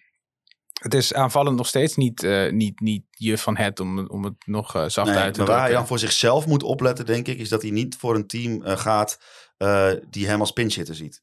Nee, dat, dat zou kunnen. Maar ik, daar, ik vind hem eigenlijk ook helemaal niet dat type. Nee, maar het dat- voelt meer als een, het voelt meer als een, als een eh, hoe heet dat? Een bewegelijke spits die toevallig groot is dan een eh, Ja. targetman. Want ja. eh, nee, ik heb, ik heb dat volgens mij een keer eerder hier wel gezegd van, het is niet een bijzonder goede kopper. Nee. of zo. Nee. Of iemand die... die Maar als hij vrij staat wel. Ja, dan ja, als hij een bal ja, binnen, Ja, maar- dat klopt. Nee, maar in hij de is niet... duels. Je hebt, je hebt sommige spitsen die, eh, eh, ehm, die zet je in de punt. En je weet, als het helemaal niet meer loopt, dan gooi je hem gewoon lang. En Nou, hij- Luc, precies. Luc de Jong, hij zeg kopt maar. hem wel bij iemand van, met dezelfde kleur in de voeten. Dat doet hij niet. Nee, precies. Er zijn, er zijn situaties waar je liever denkt van, eh, oké, waar is Paul Gladon? Dan waar je denkt, waar is Van Larsen in dat opzicht? Ja, er zijn er niet veel over. Nee, Maar ik, ik- ja, ik heb dan over zijn toekomst meer zo het gevoel van... eigenlijk moet je gewoon een soort, weet ik veel, een, een Mainz of een FC Köln hebben of zo... die dan zeggen, wij gaan volgend seizoen alles zetten op dat deze jongen... dit wordt het helemaal voor ons. Hij krijgt vanaf het begin het vertrouwen. Ja, ik denk dat hij dan daar dat niveau ook al zou kunnen aanpakken. nou, maar misschien door Freiburg staat er momenteel bijvoorbeeld redelijk goed voor. Dat zijn of Eintracht Frankfurt, dat soort teams. Ja, zijn, zijn denk ik ook Daar is Haller natuurlijk ook heel goed Ja, geworden bij. Frankfurt. Sowieso eigenlijk elke spits die bij Frankfurt terechtkomt, die wordt goed. Ja, nou, je die met wordt daar goed. Maar André we- we- Silva, eh Jovic Eh, en, we, eh we zijn hem en, al- we zijn hem dus al aan het verkopen. Dus die, zien we aan het eind van het seizoen. eh, Ja, maar weg. het is misschien ook wel gewoon het. Kijk, tuurlijk, we gaan hem enorm missen. eh, omdat het gewoon voor Groningen een hele goede spits is. Eh, maar ik denk dat dit deze zomer wel het beste moment is om hem te verkopen. Ja, dat, dat is altijd een hele onpopulaire uitspraak. Ja, dat maar weet dat- ik. Maar ik, ben, ik ben het daar wel mee eens. Ja. In de zin van, ehm, wat ik net ook al aangaf, van er zijn gewoon momenten dat, je afsche- dat, je, dat het voor de speler en voor de club het meest voordelig is om afscheid van elkaar te nemen. En waarschijnlijk is dat voor Strand Larsen deze zomer. En voor FC Groningen in dat opzicht ook. Want hij staat nu op 11 doelpunten, geloof ja, ik. dat kan best Ja. 15 worden. Dat kan wel 15 worden. eh, maar ja, als het er volgend, nou, weekend misschien al. als, als het er volgend jaar 20 worden, dan is hij een jaar ouder en heeft hij 20 doelpunten gemaakt in de eredivisie. Ja, dat klinkt, weet je, een jongen van, hoe oud is hij nu? 22 Hij is net ik. 22 geworden. Ja, een jongen van 23 met 20 doelpunten in de eredivisie klinkt, ja, klinkt niet als iets wat je voor Nee. 10 miljoen kan verkopen. Nee, dus hij moet gewoon weg. Eigenlijk moet hij gewoon weg. Nou, En ik, en ik, ik, ik, ik denk ook gewoon, wat is voor de club beter? Weet je, als je daar echt bedragen als waar we het toen over hadden eh, voor kan krijgen. Volgens mij heeft eh Mark-Jan Vladeren samen met scouting nu aangetoond van zij kunnen een spits kopen. Ja, nou, ja, Nou ja, want de manier waarop hij gescout is natuurlijk best bijzonder. Want heel veel clubs durfden het niet aan, omdat hij niet genoeg scoorde. Uh, maar ja, zij hebben het dan... Nou ja, natuurlijk komt er ook een beetje geluk mee kijken. Maar ja, ze hebben wel aangetoond dat ze wel uh, in dit geval gewoon een heleboel clubs te slim af kunnen zijn. Ja, zeker. Maar kijk, dit is een hele, dit is een hele geslaagde aankoop. Maar het is één spits. Ik bedoel, in dat opzicht. Ja, ik zeg niet meteen dat het ervoor zorgt dat we de volgende die we binnenhalen weer een topspits is. Is dat maar, Michael de Leeuw ja, maar ze kunnen het wel, zeg maar. Ja, met Romano Postema natuurlijk. Nee, daar, daar, uh, daar zeg ik geen nee tegen, tegen dat laatste gedeelte. En jij was, jij was altijd heel erg fan ook van uh, Postema. Uh, natuurlijk, volgens mij spraken wij ook in de podcast uh, over op het moment dat hij het ook supergoed deed bij Den ja, Bosch. bij Den Bosch, ja. Hoe, hoe, kijk je een beetje naar zijn ontwikkeling dit seizoen? Want nou, inderdaad heeft, moet het veel doen met invalbeurtjes van, uh, van pak een beetje 8, 9, 10 minuten ongeveer. Nou, hij had uh, laatst natuurlijk wel tegen NEC dat, dat prachtige mooie moment uh, dat, hij, dat hij twee keer scoort. Hoe, ja, hoe kijk jij naar zijn ontwikkeling? Nou, het wordt hem niet makkelijk gemaakt natuurlijk. Je, je nee. zegt het net al, het zijn heel veel korte invalbeurten. Hij heeft volgens mij twee keer een helft gespeeld en een paar keer een half uur ergens. En voor de rest echt vooral tien minuutjes. In, hij heeft dit seizoen net iets meer dan 400 minuten in de Eredivisie gemaakt. Ja. Ja, dat is niet heel veel. Wel een fantastisch doelpunt uh, gemiddeld ja, wel, natuurlijk. Wel, drie goals in vier ja, ja, zeker. Dat kan Strand Larsen niet zeggen. Nee, en als je dat een beetje, do een beetje doorrekent. Uh, bedoel, de, de concurrent voor je gevoel is dan, dan Michael de Leeuw. Die het de laatste weken goed doet. Maar waarvan je wel heel lang je hebt afgevraagd van waarom blijft hij daar staan. Ja, ik vind het wel jammer dat hij daar nooit een kans heeft gehad. Ik vind ik vind dat hij zich wel goed ontwikkelt, omdat je merkt dat hij. Hij doet heel erg wat van hem wordt gevraagd. In de zin van hij komt het veld in, er zit meteen druk op voor de tegenstander. De tegenstander wordt heel onrustig van hem. Wat hij dan aan de bal doet, is niet altijd even succesvol tot dusver. Maar ja, als je zo erg het gevoel hebt dat je onder druk moet presteren, dan is dat misschien ook wat moeilijk. Uh, en uh, ja, goed, tegen, tegen NEC pakt het dan weer extreem goed uit. Alleen ik denk wel dat het een goed voorbeeld is van als, het, als de tegenstander de organisatie een beetje kwijtraakt. En als Groningen een beetje druk zet en er ontstaat ruimte. Ja, hij, hij heeft zo'n gevoel voor, uh, voor, voor waar die bal dan valt. Hij had tegen Utrecht bijvoorbeeld ook. Maar Utrecht die begon op een gegeven moment ook nog maar met één verdediger te spelen. Ja. Op jacht naar die 2-2. Ja, was hij ook wel een, een Ik vond hem tegen Utrecht geweest. ook goed. In, Ja, maar hij valt er maar 10 minuten in bedoel ik. Ja, precies. Ja. Dat vind ik eigenlijk wel apart, weet je. ehm, de, wat jij zegt, De Leeuw is natuurlijk niet on, onbetwist geweest dit seizoen. Ja, bij Buis misschien wel, maar bij eh, heel veel externe niet. Nee, zeker niet. Maar En, denk je dat hun samen zouden kunnen spelen voorin? Hen, ehm, hen? nou, ja, zij, Post- zij, dat zij samen met z'n tweeën zouden kunnen spelen. Strand Nou ja, en Postema. Ik heb bij Postema niet het, eh, ten opzichte van de Leeuw niet het gevoel dat je inlevert op, eh, op, op druk zetten of ja, wat maar dan zou die ook. dat 90 minuten kunnen? Dat wij niet, maar dat hoeft toch ook niet meteen. Ja, dat, dat was Nou, wij kennen hem wat, nu eh, natuurlijk alleen maar als speler die maar gaat. Maar dan heeft hij ook maar 10 minuten. Ja, Ja, maar dat was je- toch ook wat Danny Buis zei. Danny Buis had het in ieder geval in, in, in een van de, van de laatste maanden van vorig jaar wel over. Dat, dat Postema dat niet kan brengen voor een Ja, wedstrijd. en voor mij bij ons in de podcast was ik het ook wel eh, met hem eens. In de zin dat, hè, dat hij zegt, en dan had hij ook over een, een. Van mm, die gasten maken een hartstikke goede ontwikkeling door. Ook al spelen ze niet veel. Ik bedoel, eh, eh, je traint elke dag op gigantisch hoog niveau. Nou, ja, tenminste, voor hun doen. Zijn jonge gasten. Eh, ze krijgen af en toe een invalbeurtje. Bij Postema zou je kunnen zeggen dat het wel een keer wat meer dan een kwartier mag zijn. Hè? Maar ja, weet je, niet iedereen is... Nou, laten we zeggen Casanvirio, die die gewoon inzet. Die er meteen staat. Die eigenlijk nog maar één of twee slechte wedstrijden heeft gespeeld. Sommige gasten hebben ook nog even wat tijd nodig om... eh, ja, misschien die volwassenheid in hun eh, spel eh, te, krijgen. Dat, je, dat ze echt comfortabel zijn om op, de op eredivisie Ja, te spelen. Maar het is wel, wat, wat ik wel een beetje merkte op de tribunes, is dat het gewoon voor die, voor die wedstrijd tegen NEC, dat het sentiment wat negatiever wordt. Omdat hij steeds wel, zijn, wel de wedstrijden krijgt en dat hij het niet echt laat zien. En je kijkt er, als je kijkt naar op wat voor moment hij er steeds in komt, ja, bij Groningen die laatste 10 minuten, dat is eigenlijk nooit lekker voetballen. Want het is vaak of 1-0 voor of eh 2-1 achter. En er- er moet heel erg veel gebeuren. Dan moet hij zich ook nog bewijzen Ja. in zo'n situatie. Het is niet zo dat tegen NEC ging dat dus heel goed. Daar zag je een lijn in het spel bij Groningen op het moment dat zij daar probeerden die gelijkmaker te forceren. Maar heel vaak in dat soort wedstrijden is dat niet wat je ziet. Dan wordt het een beetje slordig, eh, een beetje Bart van Hintem die de bal opportunistisch. erin pompt. Bart van Hintem die de bal erin pompt. En probeer je daar maar staande te houden. Dat is gewoon heel erg lastig. Ja. Ik bedoel, heel veel sp- spelers van FC Groningen die invallen op, op dat moment... maken niet, niet een hele goede indruk. Maar Dus eh, jij denkt, ah, volgend seizoen... nou, wat ik wel interessant vind is... want kijk, Abraham heeft, heeft op een gegeven moment best wel veel krediet gekregen. En ik vind Abraham... ik vind het wel een interessante speler... maar ik ben nog niet overtuigd van... eh, nou, dat hij 2 miljoen waard is sowieso niet. Maar eh, nou ja, hoe die ontwikkeling zich verder gaat, eh, het gaat verlopen. Maar ik denk van, nou, probeer Postema eens een keer op zo'n positie. Want het voordeel van Postema ten opzichte van alle andere spelers in deze selectie is... Postema maakt acties zonder bal. Postema gaat als in de omschakeling gaat hij wel lopen. Hij probeert het gat te vinden. Strand Larsen doet het trouwens nu, nu tegenwoordig ook wat meer. Maar dat zijn de loopacties waar, ja, als hij die ruimte op een gegeven moment heeft... Voor een verdediger is dat echt een nachtmerrie om tegen te spelen. Alleen dat zijn niet de situaties waarin hij terechtkomt. Nee, hij komt, eh, komt erin als de bal blind naar voren wordt gepeerd. De tegenstander vaak de bal al daar makkelijk kan opvangen. En dan zet Postema druk, wat hij dan prima doet. Alleen ja, goed. Hoeveel, hoeveel eh, supporters hoor je zeggen, ja, die Postema zet zo lekker druk, hè. Daar ben je niet mee bezig. Nee. Dus ik, ik denk dat hij op een andere manier beter ge, eh, hoe dat, gebruikt kan worden. En dat heeft ook wel een beetje te maken met hoe je dan het middenveld gaat invullen. Want eh, een eh, Iran Dust, die heeft in de paar oefenwedstrijden die we met Postma hebben gezien, ook wel gewoon in, normale wedstrijden wel een goede connectie met hem. Die ziet die loopacties wel. Dan werkt het. Maar ja, goed, ik vind eh Soeslof in dat opzicht dit seizoen, vooral de laatste maanden, gewoon een stuk minder. Dus zie je bijna nooit meer, meer de splijtende paas of de, of, of de, de geniale dribbel om eh, gebruik te maken van die situaties. En ik denk dat het voor een aanvaller gewoon heel moeilijk voetballen is. En als je kijkt naar, eh, hoe dat? naar de topscorers van eh FC Groningen dit seizoen.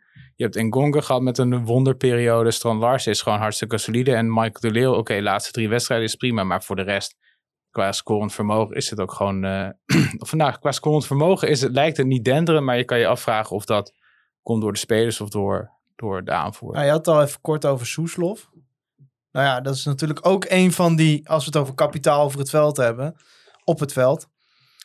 Ja, dat is toch wel een van die spelers waar ja, we toch de afgelopen weken zo'n gevoel hebben van, hm, het talent is er wel, maar wat nu? Ja, want Bas Bouwman die vroeg dat ook eh, via Twitter. Die zeggen, in welke positie komt hij het best tot zijn recht? We hebben dat ook al gezien inderdaad. Veel, ook wel op, op verschillende posities tot nu toe dit seizoen gespeeld. Eh, ja, hoe, hoe zie je dat? Het hangt er heel erg vanaf hoe je de positie invult. In de zin van, hij was vorig jaar wel goed op rechtsbuiten vaak. Maar toen, eh, toen kwam, kreeg eerst Dankerluip volgens mij veel de voorkeur. Eh, die kwam er ook veel overheen. Ja, dat is voor hem wel lekker. Want dan komen er gewoon, gewoon kleine pockets waar hij eh, aan de bal kan komen. En een beetje de tijd heeft om, om een dribbel in te zetten of een paas te geven of, of een schot te lossen. Ja, dat zie je momenteel daar gewoon heel erg weinig. Helemaal als je Mike de Wierik als eh, rechtsback gaat neerzetten natuurlijk. Wat, wat prima verdedigbaar is, maar niet hoe het uh, Soeslof ten goede komt. Ik vond hem in het begin van het seizoen op het, centraal op het middenveld vond ik hem echt, echt heel erg goed. Wel een beetje Juninho Bakuna vibes in de zin van talent spat eraf, maar het is heel onrustig, dat nog wel. Maar ja, ik denk, ik denk voor hem is het ook gewoon een beetje een fase waar hij in dat opzicht doorheen moet. Ik denk zelf, ja, ik denk zelf ook dat het eh, in de as van het veld uiteindelijk moet gebeuren. En misschien op, op een acht positie. Ik vind, voor een tien weet ik het gewoon, gewoon Zijn rendement Niet. ook niet hoog genoeg voor, denk ik. Nee, en hij, hij is ook een beetje te intuïtief in hoe hij voetbalt. Dus het is niet een jongen die, eh, waarvan je het gevoel hebt dat hij weet wat hij over vijf seconden gaat doen. Ja, en misschien dat hij toch iets, meer, iets rendabeler is als, dit, als hij, nou dat, dat klinkt zo gek, als hij er komt in plaats van dat als, als hij er al staat. Ja, precies. Precies, en daarom, kijk, daarom was, het- was dat op rechtsbuiten natuurlijk ook gewoon prima voor hem. Waar hij die ruimte had om nog een paar, paar passen te maken. Eh, en dan gewoon, nou ja, een geniale ingeving. Ja, Dat heeft hij wel. Alleen, ja, Ja, toch in die kleine ruimte. het is een hele ingewikkelde voetballer. Komt want- hij eigenlijk tekort dan in die kleine ruimtes?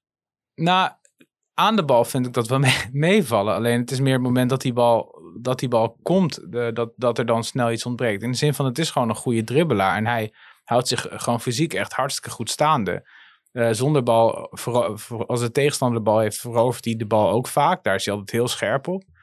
Ehm, maar ja, in het huidige systeem krijg je toch een beetje het idee dat hij niet helemaal zijn plek kan vinden. zo. en die splijtende paas, die ontbreekt dan ook nog wel eens. ja, Heb ik het gevoel. Want zeker als hij dan op rechts buiten staat. Het gebeurt natuurlijk best vaak dat in de omschakeling hij aan, eh, zeg maar aanwezig is bij het veroveren van de bal. Vaak samen met Duarte bij het druk zetten Ja. of wat dan ook. En dan staat hij op een metertje of 30 van het doel. En dan weet hij niet wat hij moet doen. En Nee. meestal is het dan terugkappen en de rechtsback of Duarte weer inspelen.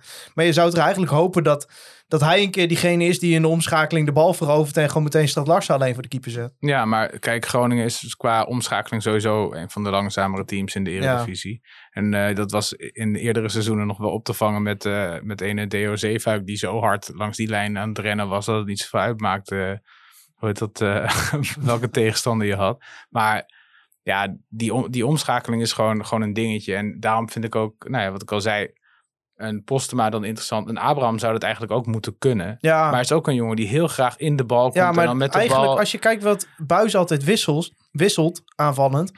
Vaak Irandust en Gonge, allemaal spelers die de bal in de voeten hebben. Ja, precies. En niet spelers die eh, diepte in hun spel hebben. Ik mis bij het huidige FC Groningen echt die diepte het meest, denk ik. Dat viel tegen Feyenoord ook op in die tweede helft. Want er waren tegen Feyenoord, Feyenoord nam best veel risico. Ja, Er waren best wel kansen op counters geweest. Maar de, ja, en je hebt met Duarte in principe iemand die die bal kan geven.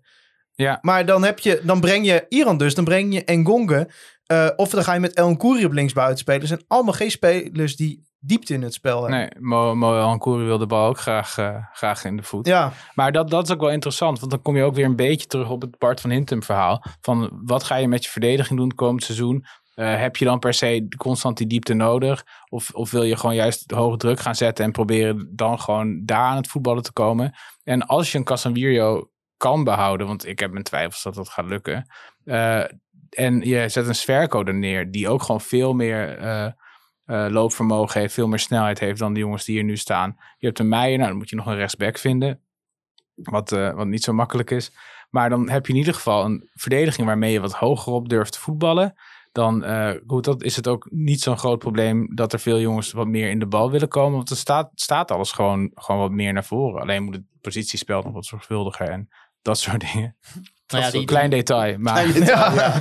ja. nou ja, die rechtsbackpositie, dat is natuurlijk wel eentje die echt eh, moet worden ingevuld eh, deze zomer. Arjan Tarens was ook benieuwd of we wat leuke opties hadden voor die nieuwe rechtsback. Jij noemt eh, zelf ook al Bart van Rooij. ja. Eh, is, is, is dat een optie? Reële optie? Is 20 Ehm, jaar? Jonge jongen. Ja, ik vind, het, het- volgens mij zou het een reële optie kunnen zijn in de zin van, eh, kijk, hij is, wel, hij is wel echt jong. Ik weet ook niet wat ze daar, daar precies mee willen. En het hangt er ook wel, ja, het is heel saai om te zeggen, maar het hangt er ook gewoon heel erg vanaf hoe je wil gaan voetballen. Wil je een rechtsback die een beetje naar binnen komt, zodat je weer met drie, drie man achterin komt spelen? Of wil je eentje die juist eh, over, de, over de rechtsbuiten heen gaat, enzovoort, enzovoort. Maar hij is wel, wel een type speler dat denk ik heel erg past in, in als je een dankerlui-achtige type, niet dankerlui-achtig type, maar eh, iemand wil die ook gewoon aanvallend zijn steentje bij kan dragen. Hij is verdedigend gewoon, gewoon een stuk meer solide. Eh, dus in dat opzicht is dat wel, een- wel een interessante jongen. Milan van Ewijk noemde jij altijd. hè? Ja, die Milan gaan we nu niet meer eh. kunnen krijgen, maar die wilde jij Als altijd naar FC Als Groningen. Heerenveen degradeert. Ja, ik denk dat dat eh, nu wel eh, over is. als Ja, dat, eh, dat eh, gaat niet gebeuren. ja, die, ja, Bart van Rooij heeft nog maar één jaar contract. Dus eh, dat hoeft ook niet heel duur te zijn. Ja, eentje die je ook zeg maar, hè, zeg maar simpel zou kunnen invullen. eh ligt er inderdaad ook een beetje aan. Is natuurlijk Noah Fadiga. Als, eh Ja, als Ah, Wormoed die die vind zou ik meenemen. defensief niet goed genoeg. Nee, maar misschien wel nog een jongen waar rek in zit. 22 jaar, wel snelheid. Maar inderdaad, hij heeft wel verdedigend. Zijn, eh, Ik, ik weet niet wat je er dan op vooruit gaat ten opzichte van Dankelui. Als je nee, precies. haalt. Nee, ja, ja, ja, dat weet ik niet. Nou, het ligt natuurlijk wel in de lijn de denk- verwachting dat Wormoed eh, spelers gaat meenemen. Of Dat in ieder geval kunnen. dat die spelers op de scoutingslijst terechtkomen. Ik ben er ook nog steeds heilig van overtuigd dat Mats Knoester volgend seizoen speler van FC Groningen is. Nou, ik- ja, ik, ik niet zo. Want uiteindelijk gaat het er ook, als je kijkt centraal achterin, heb je gewoon al best wel wat opties. Ja, maar nu je van- Van Hintem kwijtraakt, Sverko, weet ik niet wat ze daarvan vinden. De technische staf vindt hem volgens mij te veel fouten maken. Nou ja, je krijgt Ja, maar Balken de nog technische terug. staf is er volgend jaar niet meer. Nee, dat is waar. Dus maar die kunnen wel een om- inschatting over spelers maken, toch? Jawel, jawel, zeker wel. Eh, en ik, ik geloof ook best wel dat hij, eh, dat hij hier en daar nog wat onrustig is. Alleen, eh, ik sluit niet uit dat hij volgend jaar gewoon, gewoon een kans krijgt. Door de, de tech- technische staf is misschien niet overtuigd. Nou ja, misschien eh, de, de scouting of uh, Mark-Jan Verderes wel. Frank Wormoed heeft daar natuurlijk zelf ook wel iets in te zeggen. Dat hoop je dan. Ja, Hoop dat, je. dat heeft En hij. eh, eh, ja. natuurlijk onze eh, vriend van Almere City, eh, Balker. Balker, ja. Ja, maar moet je ook maar net Ja, weten hoe goed hij uit die eh, vreselijke blessure komt. Ja, nou ja, kijk, ik, ik- wij hebben hier ook wel in de podcast gezegd dat, eh, dat we aardig enthousiast zijn, in ieder geval op papier, over de aanstelling van Frank Wormoed. Ben je dat ook? Ja, ik vind het een hele interessante. Hele inter- ja, ik zat nog even te kijken. Ik had nog. eh hoe dat? Alexander Jallo van IFK Göteborg, die ik nog interessant vond. Oh, is het, is het een zweet? en dit is een zweet. En, oh, dan eh, is hij interessant voor eh en- Vladeris. Veel Neumann van. Zit hij ook bij dezelfde Kiel, zaakwaarnemer er, als Goedmanson en. Abraham? Veel, ik heb geen idee. Veel Neumann. Neumann van Holstein Kiel. Die had een, een interessant profiel. Eh, dus eh, ja. Gewoon wat live scouting hier. Dat zeg ik ook altijd als ik aan tinderen ben. Maar. Nee, maar over, over Wormoed, ja, op zich ben ik wel, wel enthousiast. Ik denk dat het een, eh, het is een goede, goede, goede communicator als je, hem- als je hem ziet. Dus dat, dat is top. Ehm, hij heeft met Heracles gewoon overgepresteerd eh, de afgelopen jaren, denk ik. Ehm, het, het is gewoon momenteel, de selectie is, is niet denderend. Nou ja, dat, dat zie je ook wel weer terug aan het voetbal. Nou, ook pech gehad dit seizoen natuurlijk wel. Oh. Met, eh, zeker voorin, eh, Ja. met eh, spelers die zijn uitgevallen om verschillende Ja, redenen. precies. Ja, maar ik kijk, je kunt heel erg naar de prestatie van Heracles kijken. Maar ik keek op een gegeven moment wat die voor een aanval op het veld hadden. Dat ik denk, ja, dat is niet heel gek dat die niet zoveel scoren.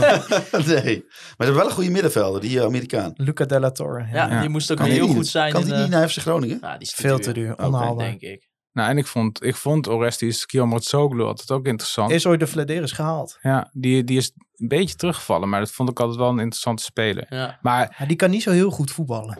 nee, ja, goed. Die kan wel goed verdedigen, maar Wel die kan niet zo heel goed ja. voetballen. Nee, maar het hangt er ook heel erg vanaf hoe je het middenveld wil invullen natuurlijk. Ja, komt er nog een nieuwe zes bij. Maar Heb goed, jij- Heb jij eigenlijk al... Een, ja, nee, ik was, was wel benieuwd naar weer een andere speler. Heb je eigenlijk al een, een mening over Matuta? Nee, Oké.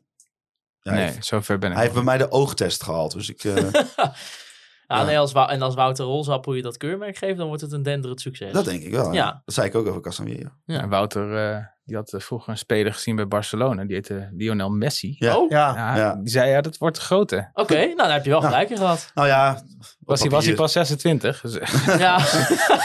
je hebt ook mensen die bij dat concert van U2 in de Vera waren. Die Ja. toen Ja, zeiden van ja, ik zag toen al, dat was, wel, werd, wordt Ja. een topband.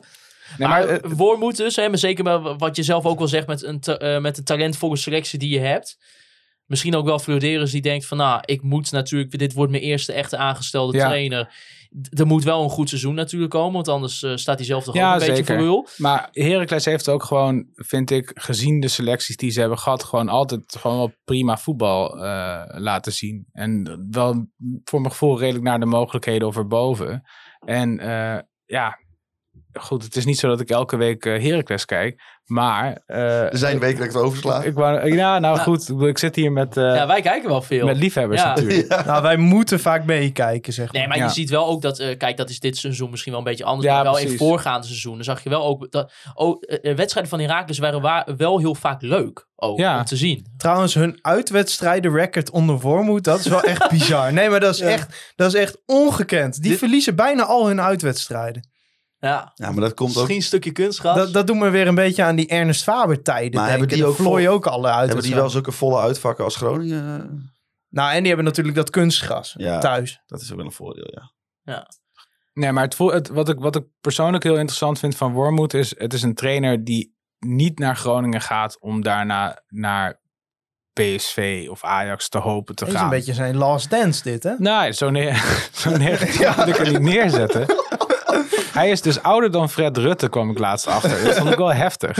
Maar eh, ook dat Fred Rutte is vooral heel jong. Die is 59. Dat is dat ook- niet gedaan. Ja, hij is 61 uh, Wormoed Ja. Maar hij, hij, hij vindt het volgens mij gewoon heel leuk na een hele periode bij de Duitse voetbalbond te hebben gewerkt om weer op het veld te staan, met spelers bezig te zijn.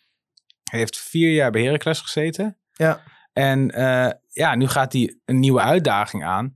En ik denk dat hij eh, ook, het, hij vindt het prima als hij hier vier, vijf jaar zit. En hij wil gewoon met, hij wil spelers beter maken en hij wil plezier hebben in zijn werk. Zo komt hij op mij over. Ja. Ik denk ook wel dat hij wil winnen hoor, begrijp me niet Ja, verkeerd. maar het is zeg maar, Maar- een trainer die natuurlijk wel dermate goed in de markt lag. Misschien dat het best knap is dat Groningen hem binnenhaalt. Ja, dat denk ik ook. Want ik denk zeker nu Utrecht op zoek moet naar een nieuwe trainer. eh, Vitesse allicht op zoek moet naar een nieuwe trainer. Die hadden denk ik ook wel naar Wormoed gekeken als Groningen hem niet al binnen had. Dat denk ik ook. En, maar het is wel een beetje een trendbreuk als je kijkt naar de afgelopen 20 jaar trainers FC Groningen. Waren toch niet de oudste. Nee? Nee? Nee. Ron Jans, 2002 werd hij aangesteld. Ja. Nou, die was toen... eh, hij is nu... eh, te- 14? Hij is, nu ook tegen, hij is nu ook tegen de 60, denk ik. Halverwege de... Nou, ja, en Lodewegens was natuurlijk ook niet zo oud daarvoor. nou, Jan van Dijk was daarvoor. En misschien. Wim Rijsbergen, dat hij nog... eh, dat hij heel oud was toen. Ik weet het nee, niet. Die die werd in speelde in, 1997 die speelde in aangesteld. 78 nog het WK. Dus eh, zo oud zal hij toen ook niet geweest Nou, die was ook zijn. 45. Ja. Dus het is wel een, eh, eh, denk ik, nou ja, in ieder geval van de laatste 25 jaar de oudste FC Groningen trainer. Hij heeft eindelijk ervaring, jongen. Ja. ja, precies. Nou ja, Ja, maar het het is, wel... het is wel lekker, want eh, hoe het, ik vind dat Danny Buis het echt heel goed heeft gedaan. Eh, is genoeg kritiek, weet je, eh, aanvallend. eh, nou goed, hè? We hebben het al vaak genoeg over gehad en jullie al helemaal. Maar eh, hoe dat, je, eh, hoe dat, qua, het is meer een resultaattrainer in dat opzicht. En ik denk dat Wormoed, nee, die, die gaat gewoon wat meer met die jongens aan de slag. En die zal daardoor ook wat minder angstig zijn om een jonge jongen wat langer te laten staan. Of, of weet je, zijn fouten te laten. Ja, misschien. precies. En ik denk dat dat voor deze selectie gewoon heel goed werkt. Want we zeiden net al van het is een redelijk jonge selectie. Maar hij is van nature ook een opleider, toch? Ja. Ja. Als je alles nu weet Ja, vasthouden, zeg maar. wel weer een goede, eh, goede, goed track record misschien, mee. eh, Ron Jans was ook een opleider. Ja, misschien min eh Strand Larsen, wat ik zei. Dat, dat, dat, als je alles nu bij elkaar houdt, ja, dan heb je natuurlijk voor volgend seizoen best wel een goede selectie staan. ja dat denk Als ik je ook nog ervan uitgaat dat er best wel wat is om te investeren. Nou, kijk, momenteel eh, denk ik dat de keeperpositie nog steeds een, eh, een beetje een vraagteken Ja. is. Eh, in de zin van, ja, je hebt een op zijn best middelmatige keeper. eredivisie keeper. Er is een keeper. Nee, maar Hij draagt niet- Hij handschoenen. doet ook niet altijd alles fout. Nee, maar, dat is zo. maar het is gewoon, ja, de, de drop-off is, is wel heel groot gebleken. En het, ja, goed, ik, het compleet ander niveau. Maar bij Nederland-Denemarken zag ik, eh, zag ik vlekken op een gegeven moment een paar passes geven. Dat je denkt van ja, eigenlijk had je gehoopt dat je dat nu binnen hebt gehaald. En dan kijk je naar de beelden van, van Leeuwenburg onder druk. En dan denk je, ja, Gaat alles over de er zijlijn. toch iets ja. anders uit. En dat gaat dan nog niet eens over de keep, keeperskwaliteiten, maar gewoon puur het, het voetballende gedeelte. En, Ja, terwijl die daar wel op binnengehaald is. ja, en daarom vind ik de verlenging van Hoekstra ook wel een beetje gek. Want dat is juist iets waarvan ik van hem ook het idee heb dat hij daar niet goed in ontwikkeld is. Nee. Dus, nee, die is ook niet goed in uittrappen. nee, dus nou, het, niet puur het uittrappen, maar ook het. Nee, maar ik bedoel gewoon aan de eh, bal. En, ja. en dat hebben we in die bekerwedstrijden, dat die speelde wel Ja, zien. precies. En bij Roda. Dus, Ja. dus dat, dat, dat vind ik wel wat verbazingwekkend. En je hebt nu wel eh, gewoon twee keepers vastgelegd. En ik hoorde Hoekstra zeggen dat hij een hele goede aanbieding had gekregen van FC Groningen in het interview, als ik me niet vergis. Ja, als, een hele goede aanbieding. Hij heeft met andere clubs gesproken. Ik denk van, ik ben ook wel benieuwd. Dan, dat klinkt niet alsof er nog ruimte is voor een extra keeper. Ah, en het schijnt dat Leeuwenburg wel een van de grootverdieners in de selectie ook is. Dus dat is ook niet iemand die je zomaar even tweede keeper maakt. Nee. Nee, dus dat, eh, dat, dat maakt dat wel ingewikkeld. Nou ja, rechtsback. Ik denk ook niet dat hij dermate goed in de markt ligt dat je nu deze zomer de clubs van hem af moet slaan, zeg maar. Kijk, hij heeft het niet vreselijk slecht gedaan, maar ik denk niet dat het, zeg maar, de vraag wordt of er misschien interesse voor hem komt. Nee, dat verwacht ik Ik denk niet dat hij zomaar een stap zet. Daar is hij niet goed genoeg voor. Nee, maar ja, je moet eigenlijk in dat opzicht hopen dat Ajax op een gegeven moment een derde keeper nodig heeft met een homegrown status of zo. Maar ehm, Ik heb Ron Jans trouwens echt een compliment gegeven. Die is 63. Zo. Ja, maar dat Oh. was hij in 2002 niet. Nee, maar ik zei dat ik zei Toen dat was hij halverwege de 50 was. Nou, keurig Hols. Ja. Mooi. Hey, eh, jongens, eh, aanstaande zaterdag eh, speelt FC Groningen om half vijf. Ja, wie bedenkt die tijd? Het kan eh, tegenwoordig. Niekek 4 heeft daarom eh, met mij inclusief eh, afgelopen zaterdag gespeeld in plaats van zaterdag. Eigenlijk een vrije zaterdag, maar omdat iedereen naar FC Groningen Ajax wilde, speelde toch al tegen Opende. Helaas verloren, maar Oh. dat eh tezijde. Een beetje niche. Waar stond je? Ik sta altijd een beetje op de Matusiwa-positie. Ja, En, de zes nu. Dat is eigenlijk niet van het? origine mijn positie. Want ik ben eigenlijk altijd, heb altijd op de backpositie gespeeld. Hoe is het met de kaartenbak? Eh, nee, nee, er wel nog geen... Marto Sipa van maken. Ja, maar- van, eh, ik, heb, ik heb nog geen kaart gepakt dit seizoen. eh. nee, wel een goaltje ook. Dus, eh, Oh, echt? Ja, maar ja, verder met de resultaten is het niet al te best. We doen er wel zeg maar een beetje mee in de onderste regionen. Maar eh, ach ja, het is een proces hè. het is een proces. Ja, precies. Maar eh, FC Groningen Ajax dus. Ajax zoals eh, nou ja, vaak eerste natuurlijk in de Eredivisie met twee punten voorsprong op PSV. Eh, de laatste wedstrijd eh, in de Arena won Ajax eh, in de spraakmakende wedstrijd op zijn minst tegen Feyenoord met eh, 3-2. Eh, verder werden ze wel uitgeschakeld in de achtste finale van de Champions League door Benfica. En spelen ze ook nog wel de beekfinale tegen PSV op zondag 17 april. Ja, eerder dit seizoen verloren wij zoals gebruikelijk in de arena. Deze keer met eh, 3-0 door doelpunten van Alvarez, Anthony en Masraoui. Eh maar de laatste twee thuisduels die we tegen Ajax speelden, eh, werden wel succesvol afgerond met een 1-0 door een doelpunt van Remco Balk. En eh, eerder een eh 2-1 overwinning met doelpunt van Kai Sierhuis en Ramon Pascal Roentquist. Uitverkochte huis, Thijs, dit kan alleen maar een lekkere middag worden. Ja. ja, ik weet niet. Ik heb bij deze wedstrijd een beetje het gevoel dat het twee kanten op kan gaan. Ajax is natuurlijk niet in goede doen. Afgelopen weken, het, het- ja, er wordt heel moeilijk maar gewonnen. Vorige week zijn ze de eerste helft totaal weggespeeld door Feyenoord. Eh, die ook overigens ook wel heel goed speelde toen. Maar goed, eh, Ajax daarvoor natuurlijk tegen RKC en Cambuur gewoon heel lastig gehad. Ja, vol huis erachter. Ja, je denkt dat toch van, zeker gezien de laatste jaren waarin Groningen het Ajax altijd lastig maakt, van nou. Maar ik denk dus dat het, het wordt of 0-3 of 3-0. ja? Ja, Ja, dat... dat eh, nou... ja eh, het Nou kan ja. bij mij een beetje beide kanten op gaan. Ja, Hols, ik weet, jij bent, eh, jij bent, hij hebt eigenlijk helemaal niks meer met Ajax. Vindt het ook Nee. een walgelijke club.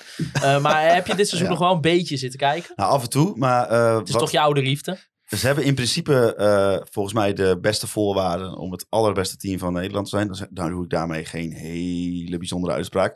Maar wat er volgens mij de afgelopen weken een beetje aan de hand is, is dat eh, ik denk dat bij Ajax de balans altijd eh, op een heel dun lijntje zit. Dus hè, wat ik bijvoorbeeld zag tegen Feyenoord, is dat Timber op een gegeven moment links buiten stond. En daar kwam ook het tegendoelpunt uit. En eh, ja, ik denk dat ze geven de laatste weken gewoon daardoor, doordat ze net even wat te ver doorgaan met die verdedigers die ook gaan aanvallen, dat ze net een beetje te veel ruimte weggeven eh, voor kansen. Want ja, tegen RKC twee tegendoelpunten, waarvan één van Michiel Kramer. Dat is niet des Ajax. Nee. En ook als je zag hoe de Feyenoord de kansen kreeg, dat had toch voor een groot deel te maken met hoe de restverdediging van Ajax stond.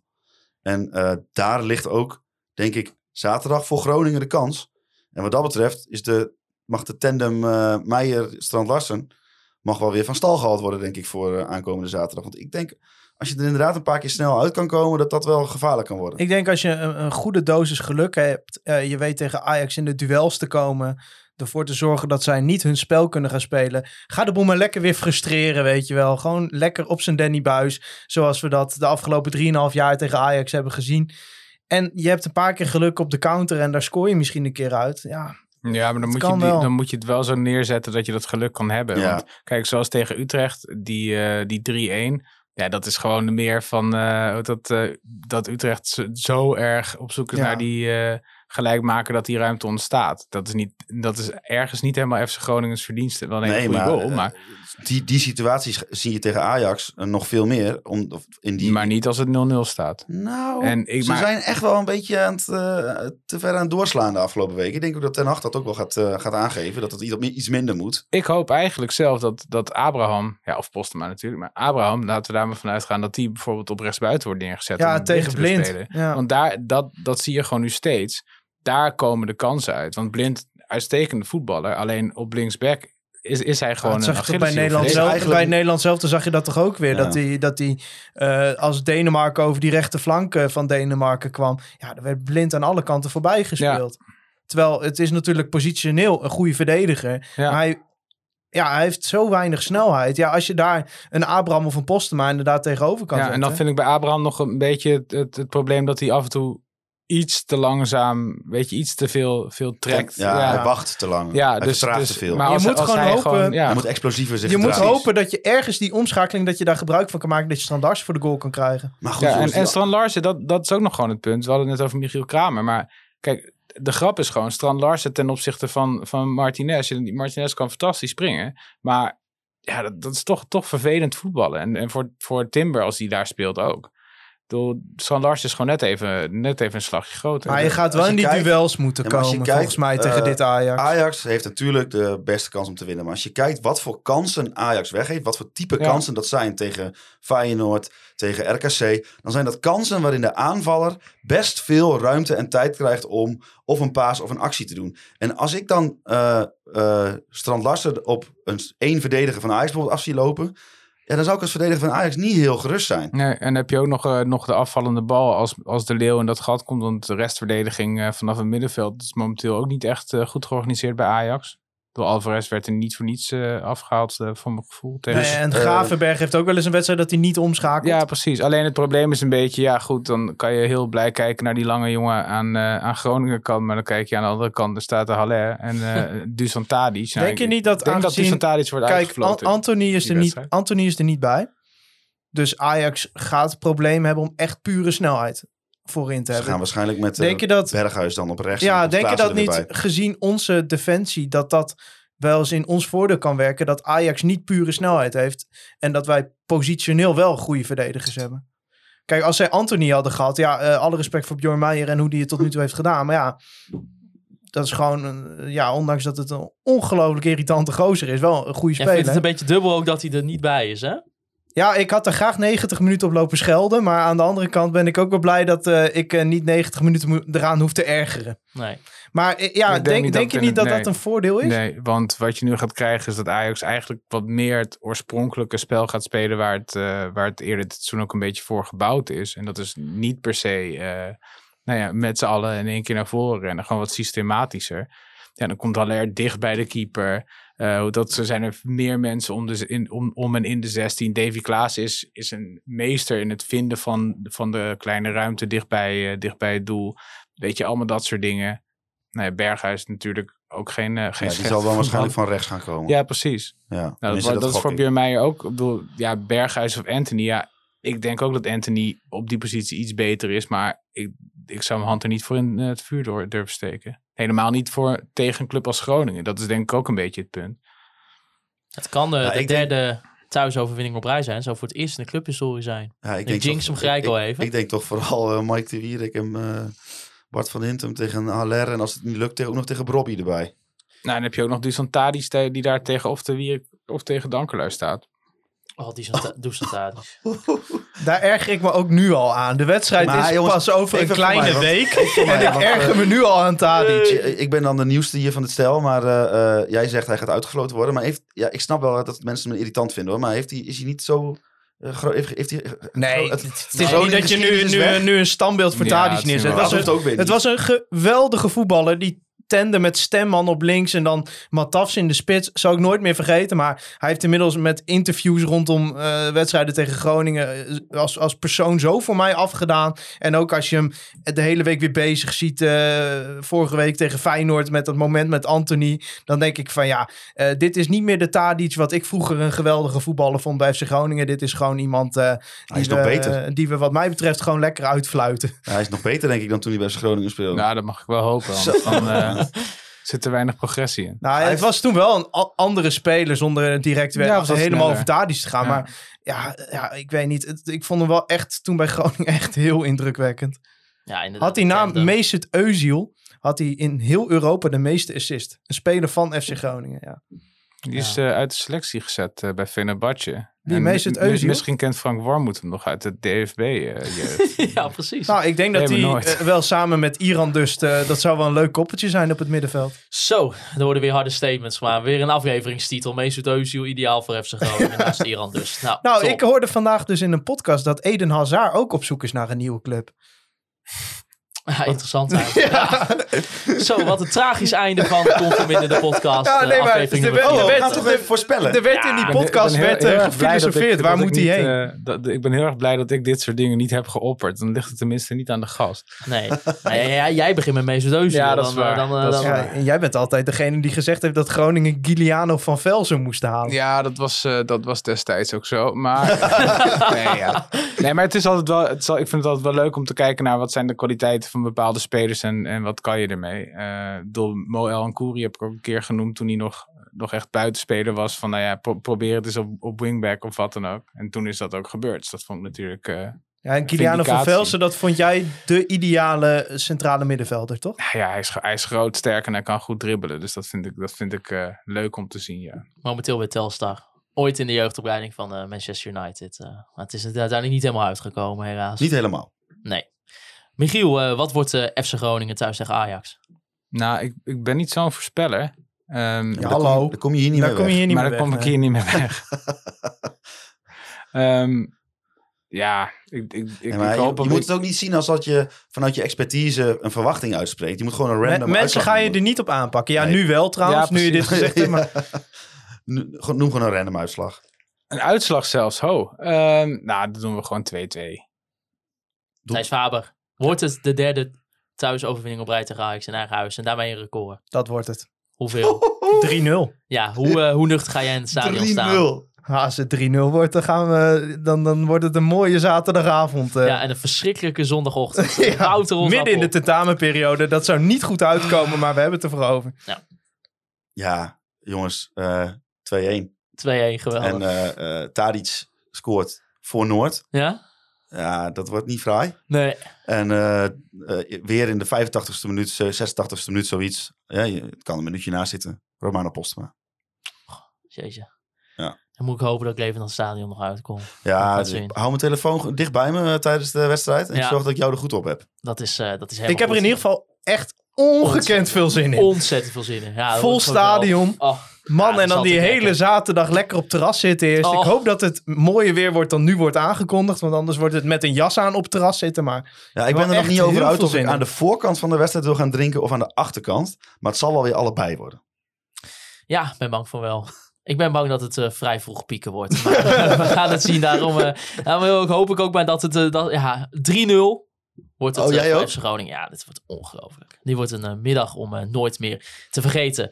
Jullie kunnen Conforminder de podcast eh, volgen via Apple Podcast, Spotify en Google Podcast. Laat ook even een review achter, mocht je dat nog niet hebben gedaan. Je kan ons ook volgen op alle bekende social media kanalen. Facebook, Instagram en natuurlijk Twitter. Eh, Michiel, bedankt voor je komst naar de studio. Graag gedaan. Eh, ik wil natuurlijk ook Andy eh, Zuidema bedanken voor de foto's die wij elke week mogen gebruiken. De Online Retail Company en B-Trip voor de Online Retail Company moment van de week.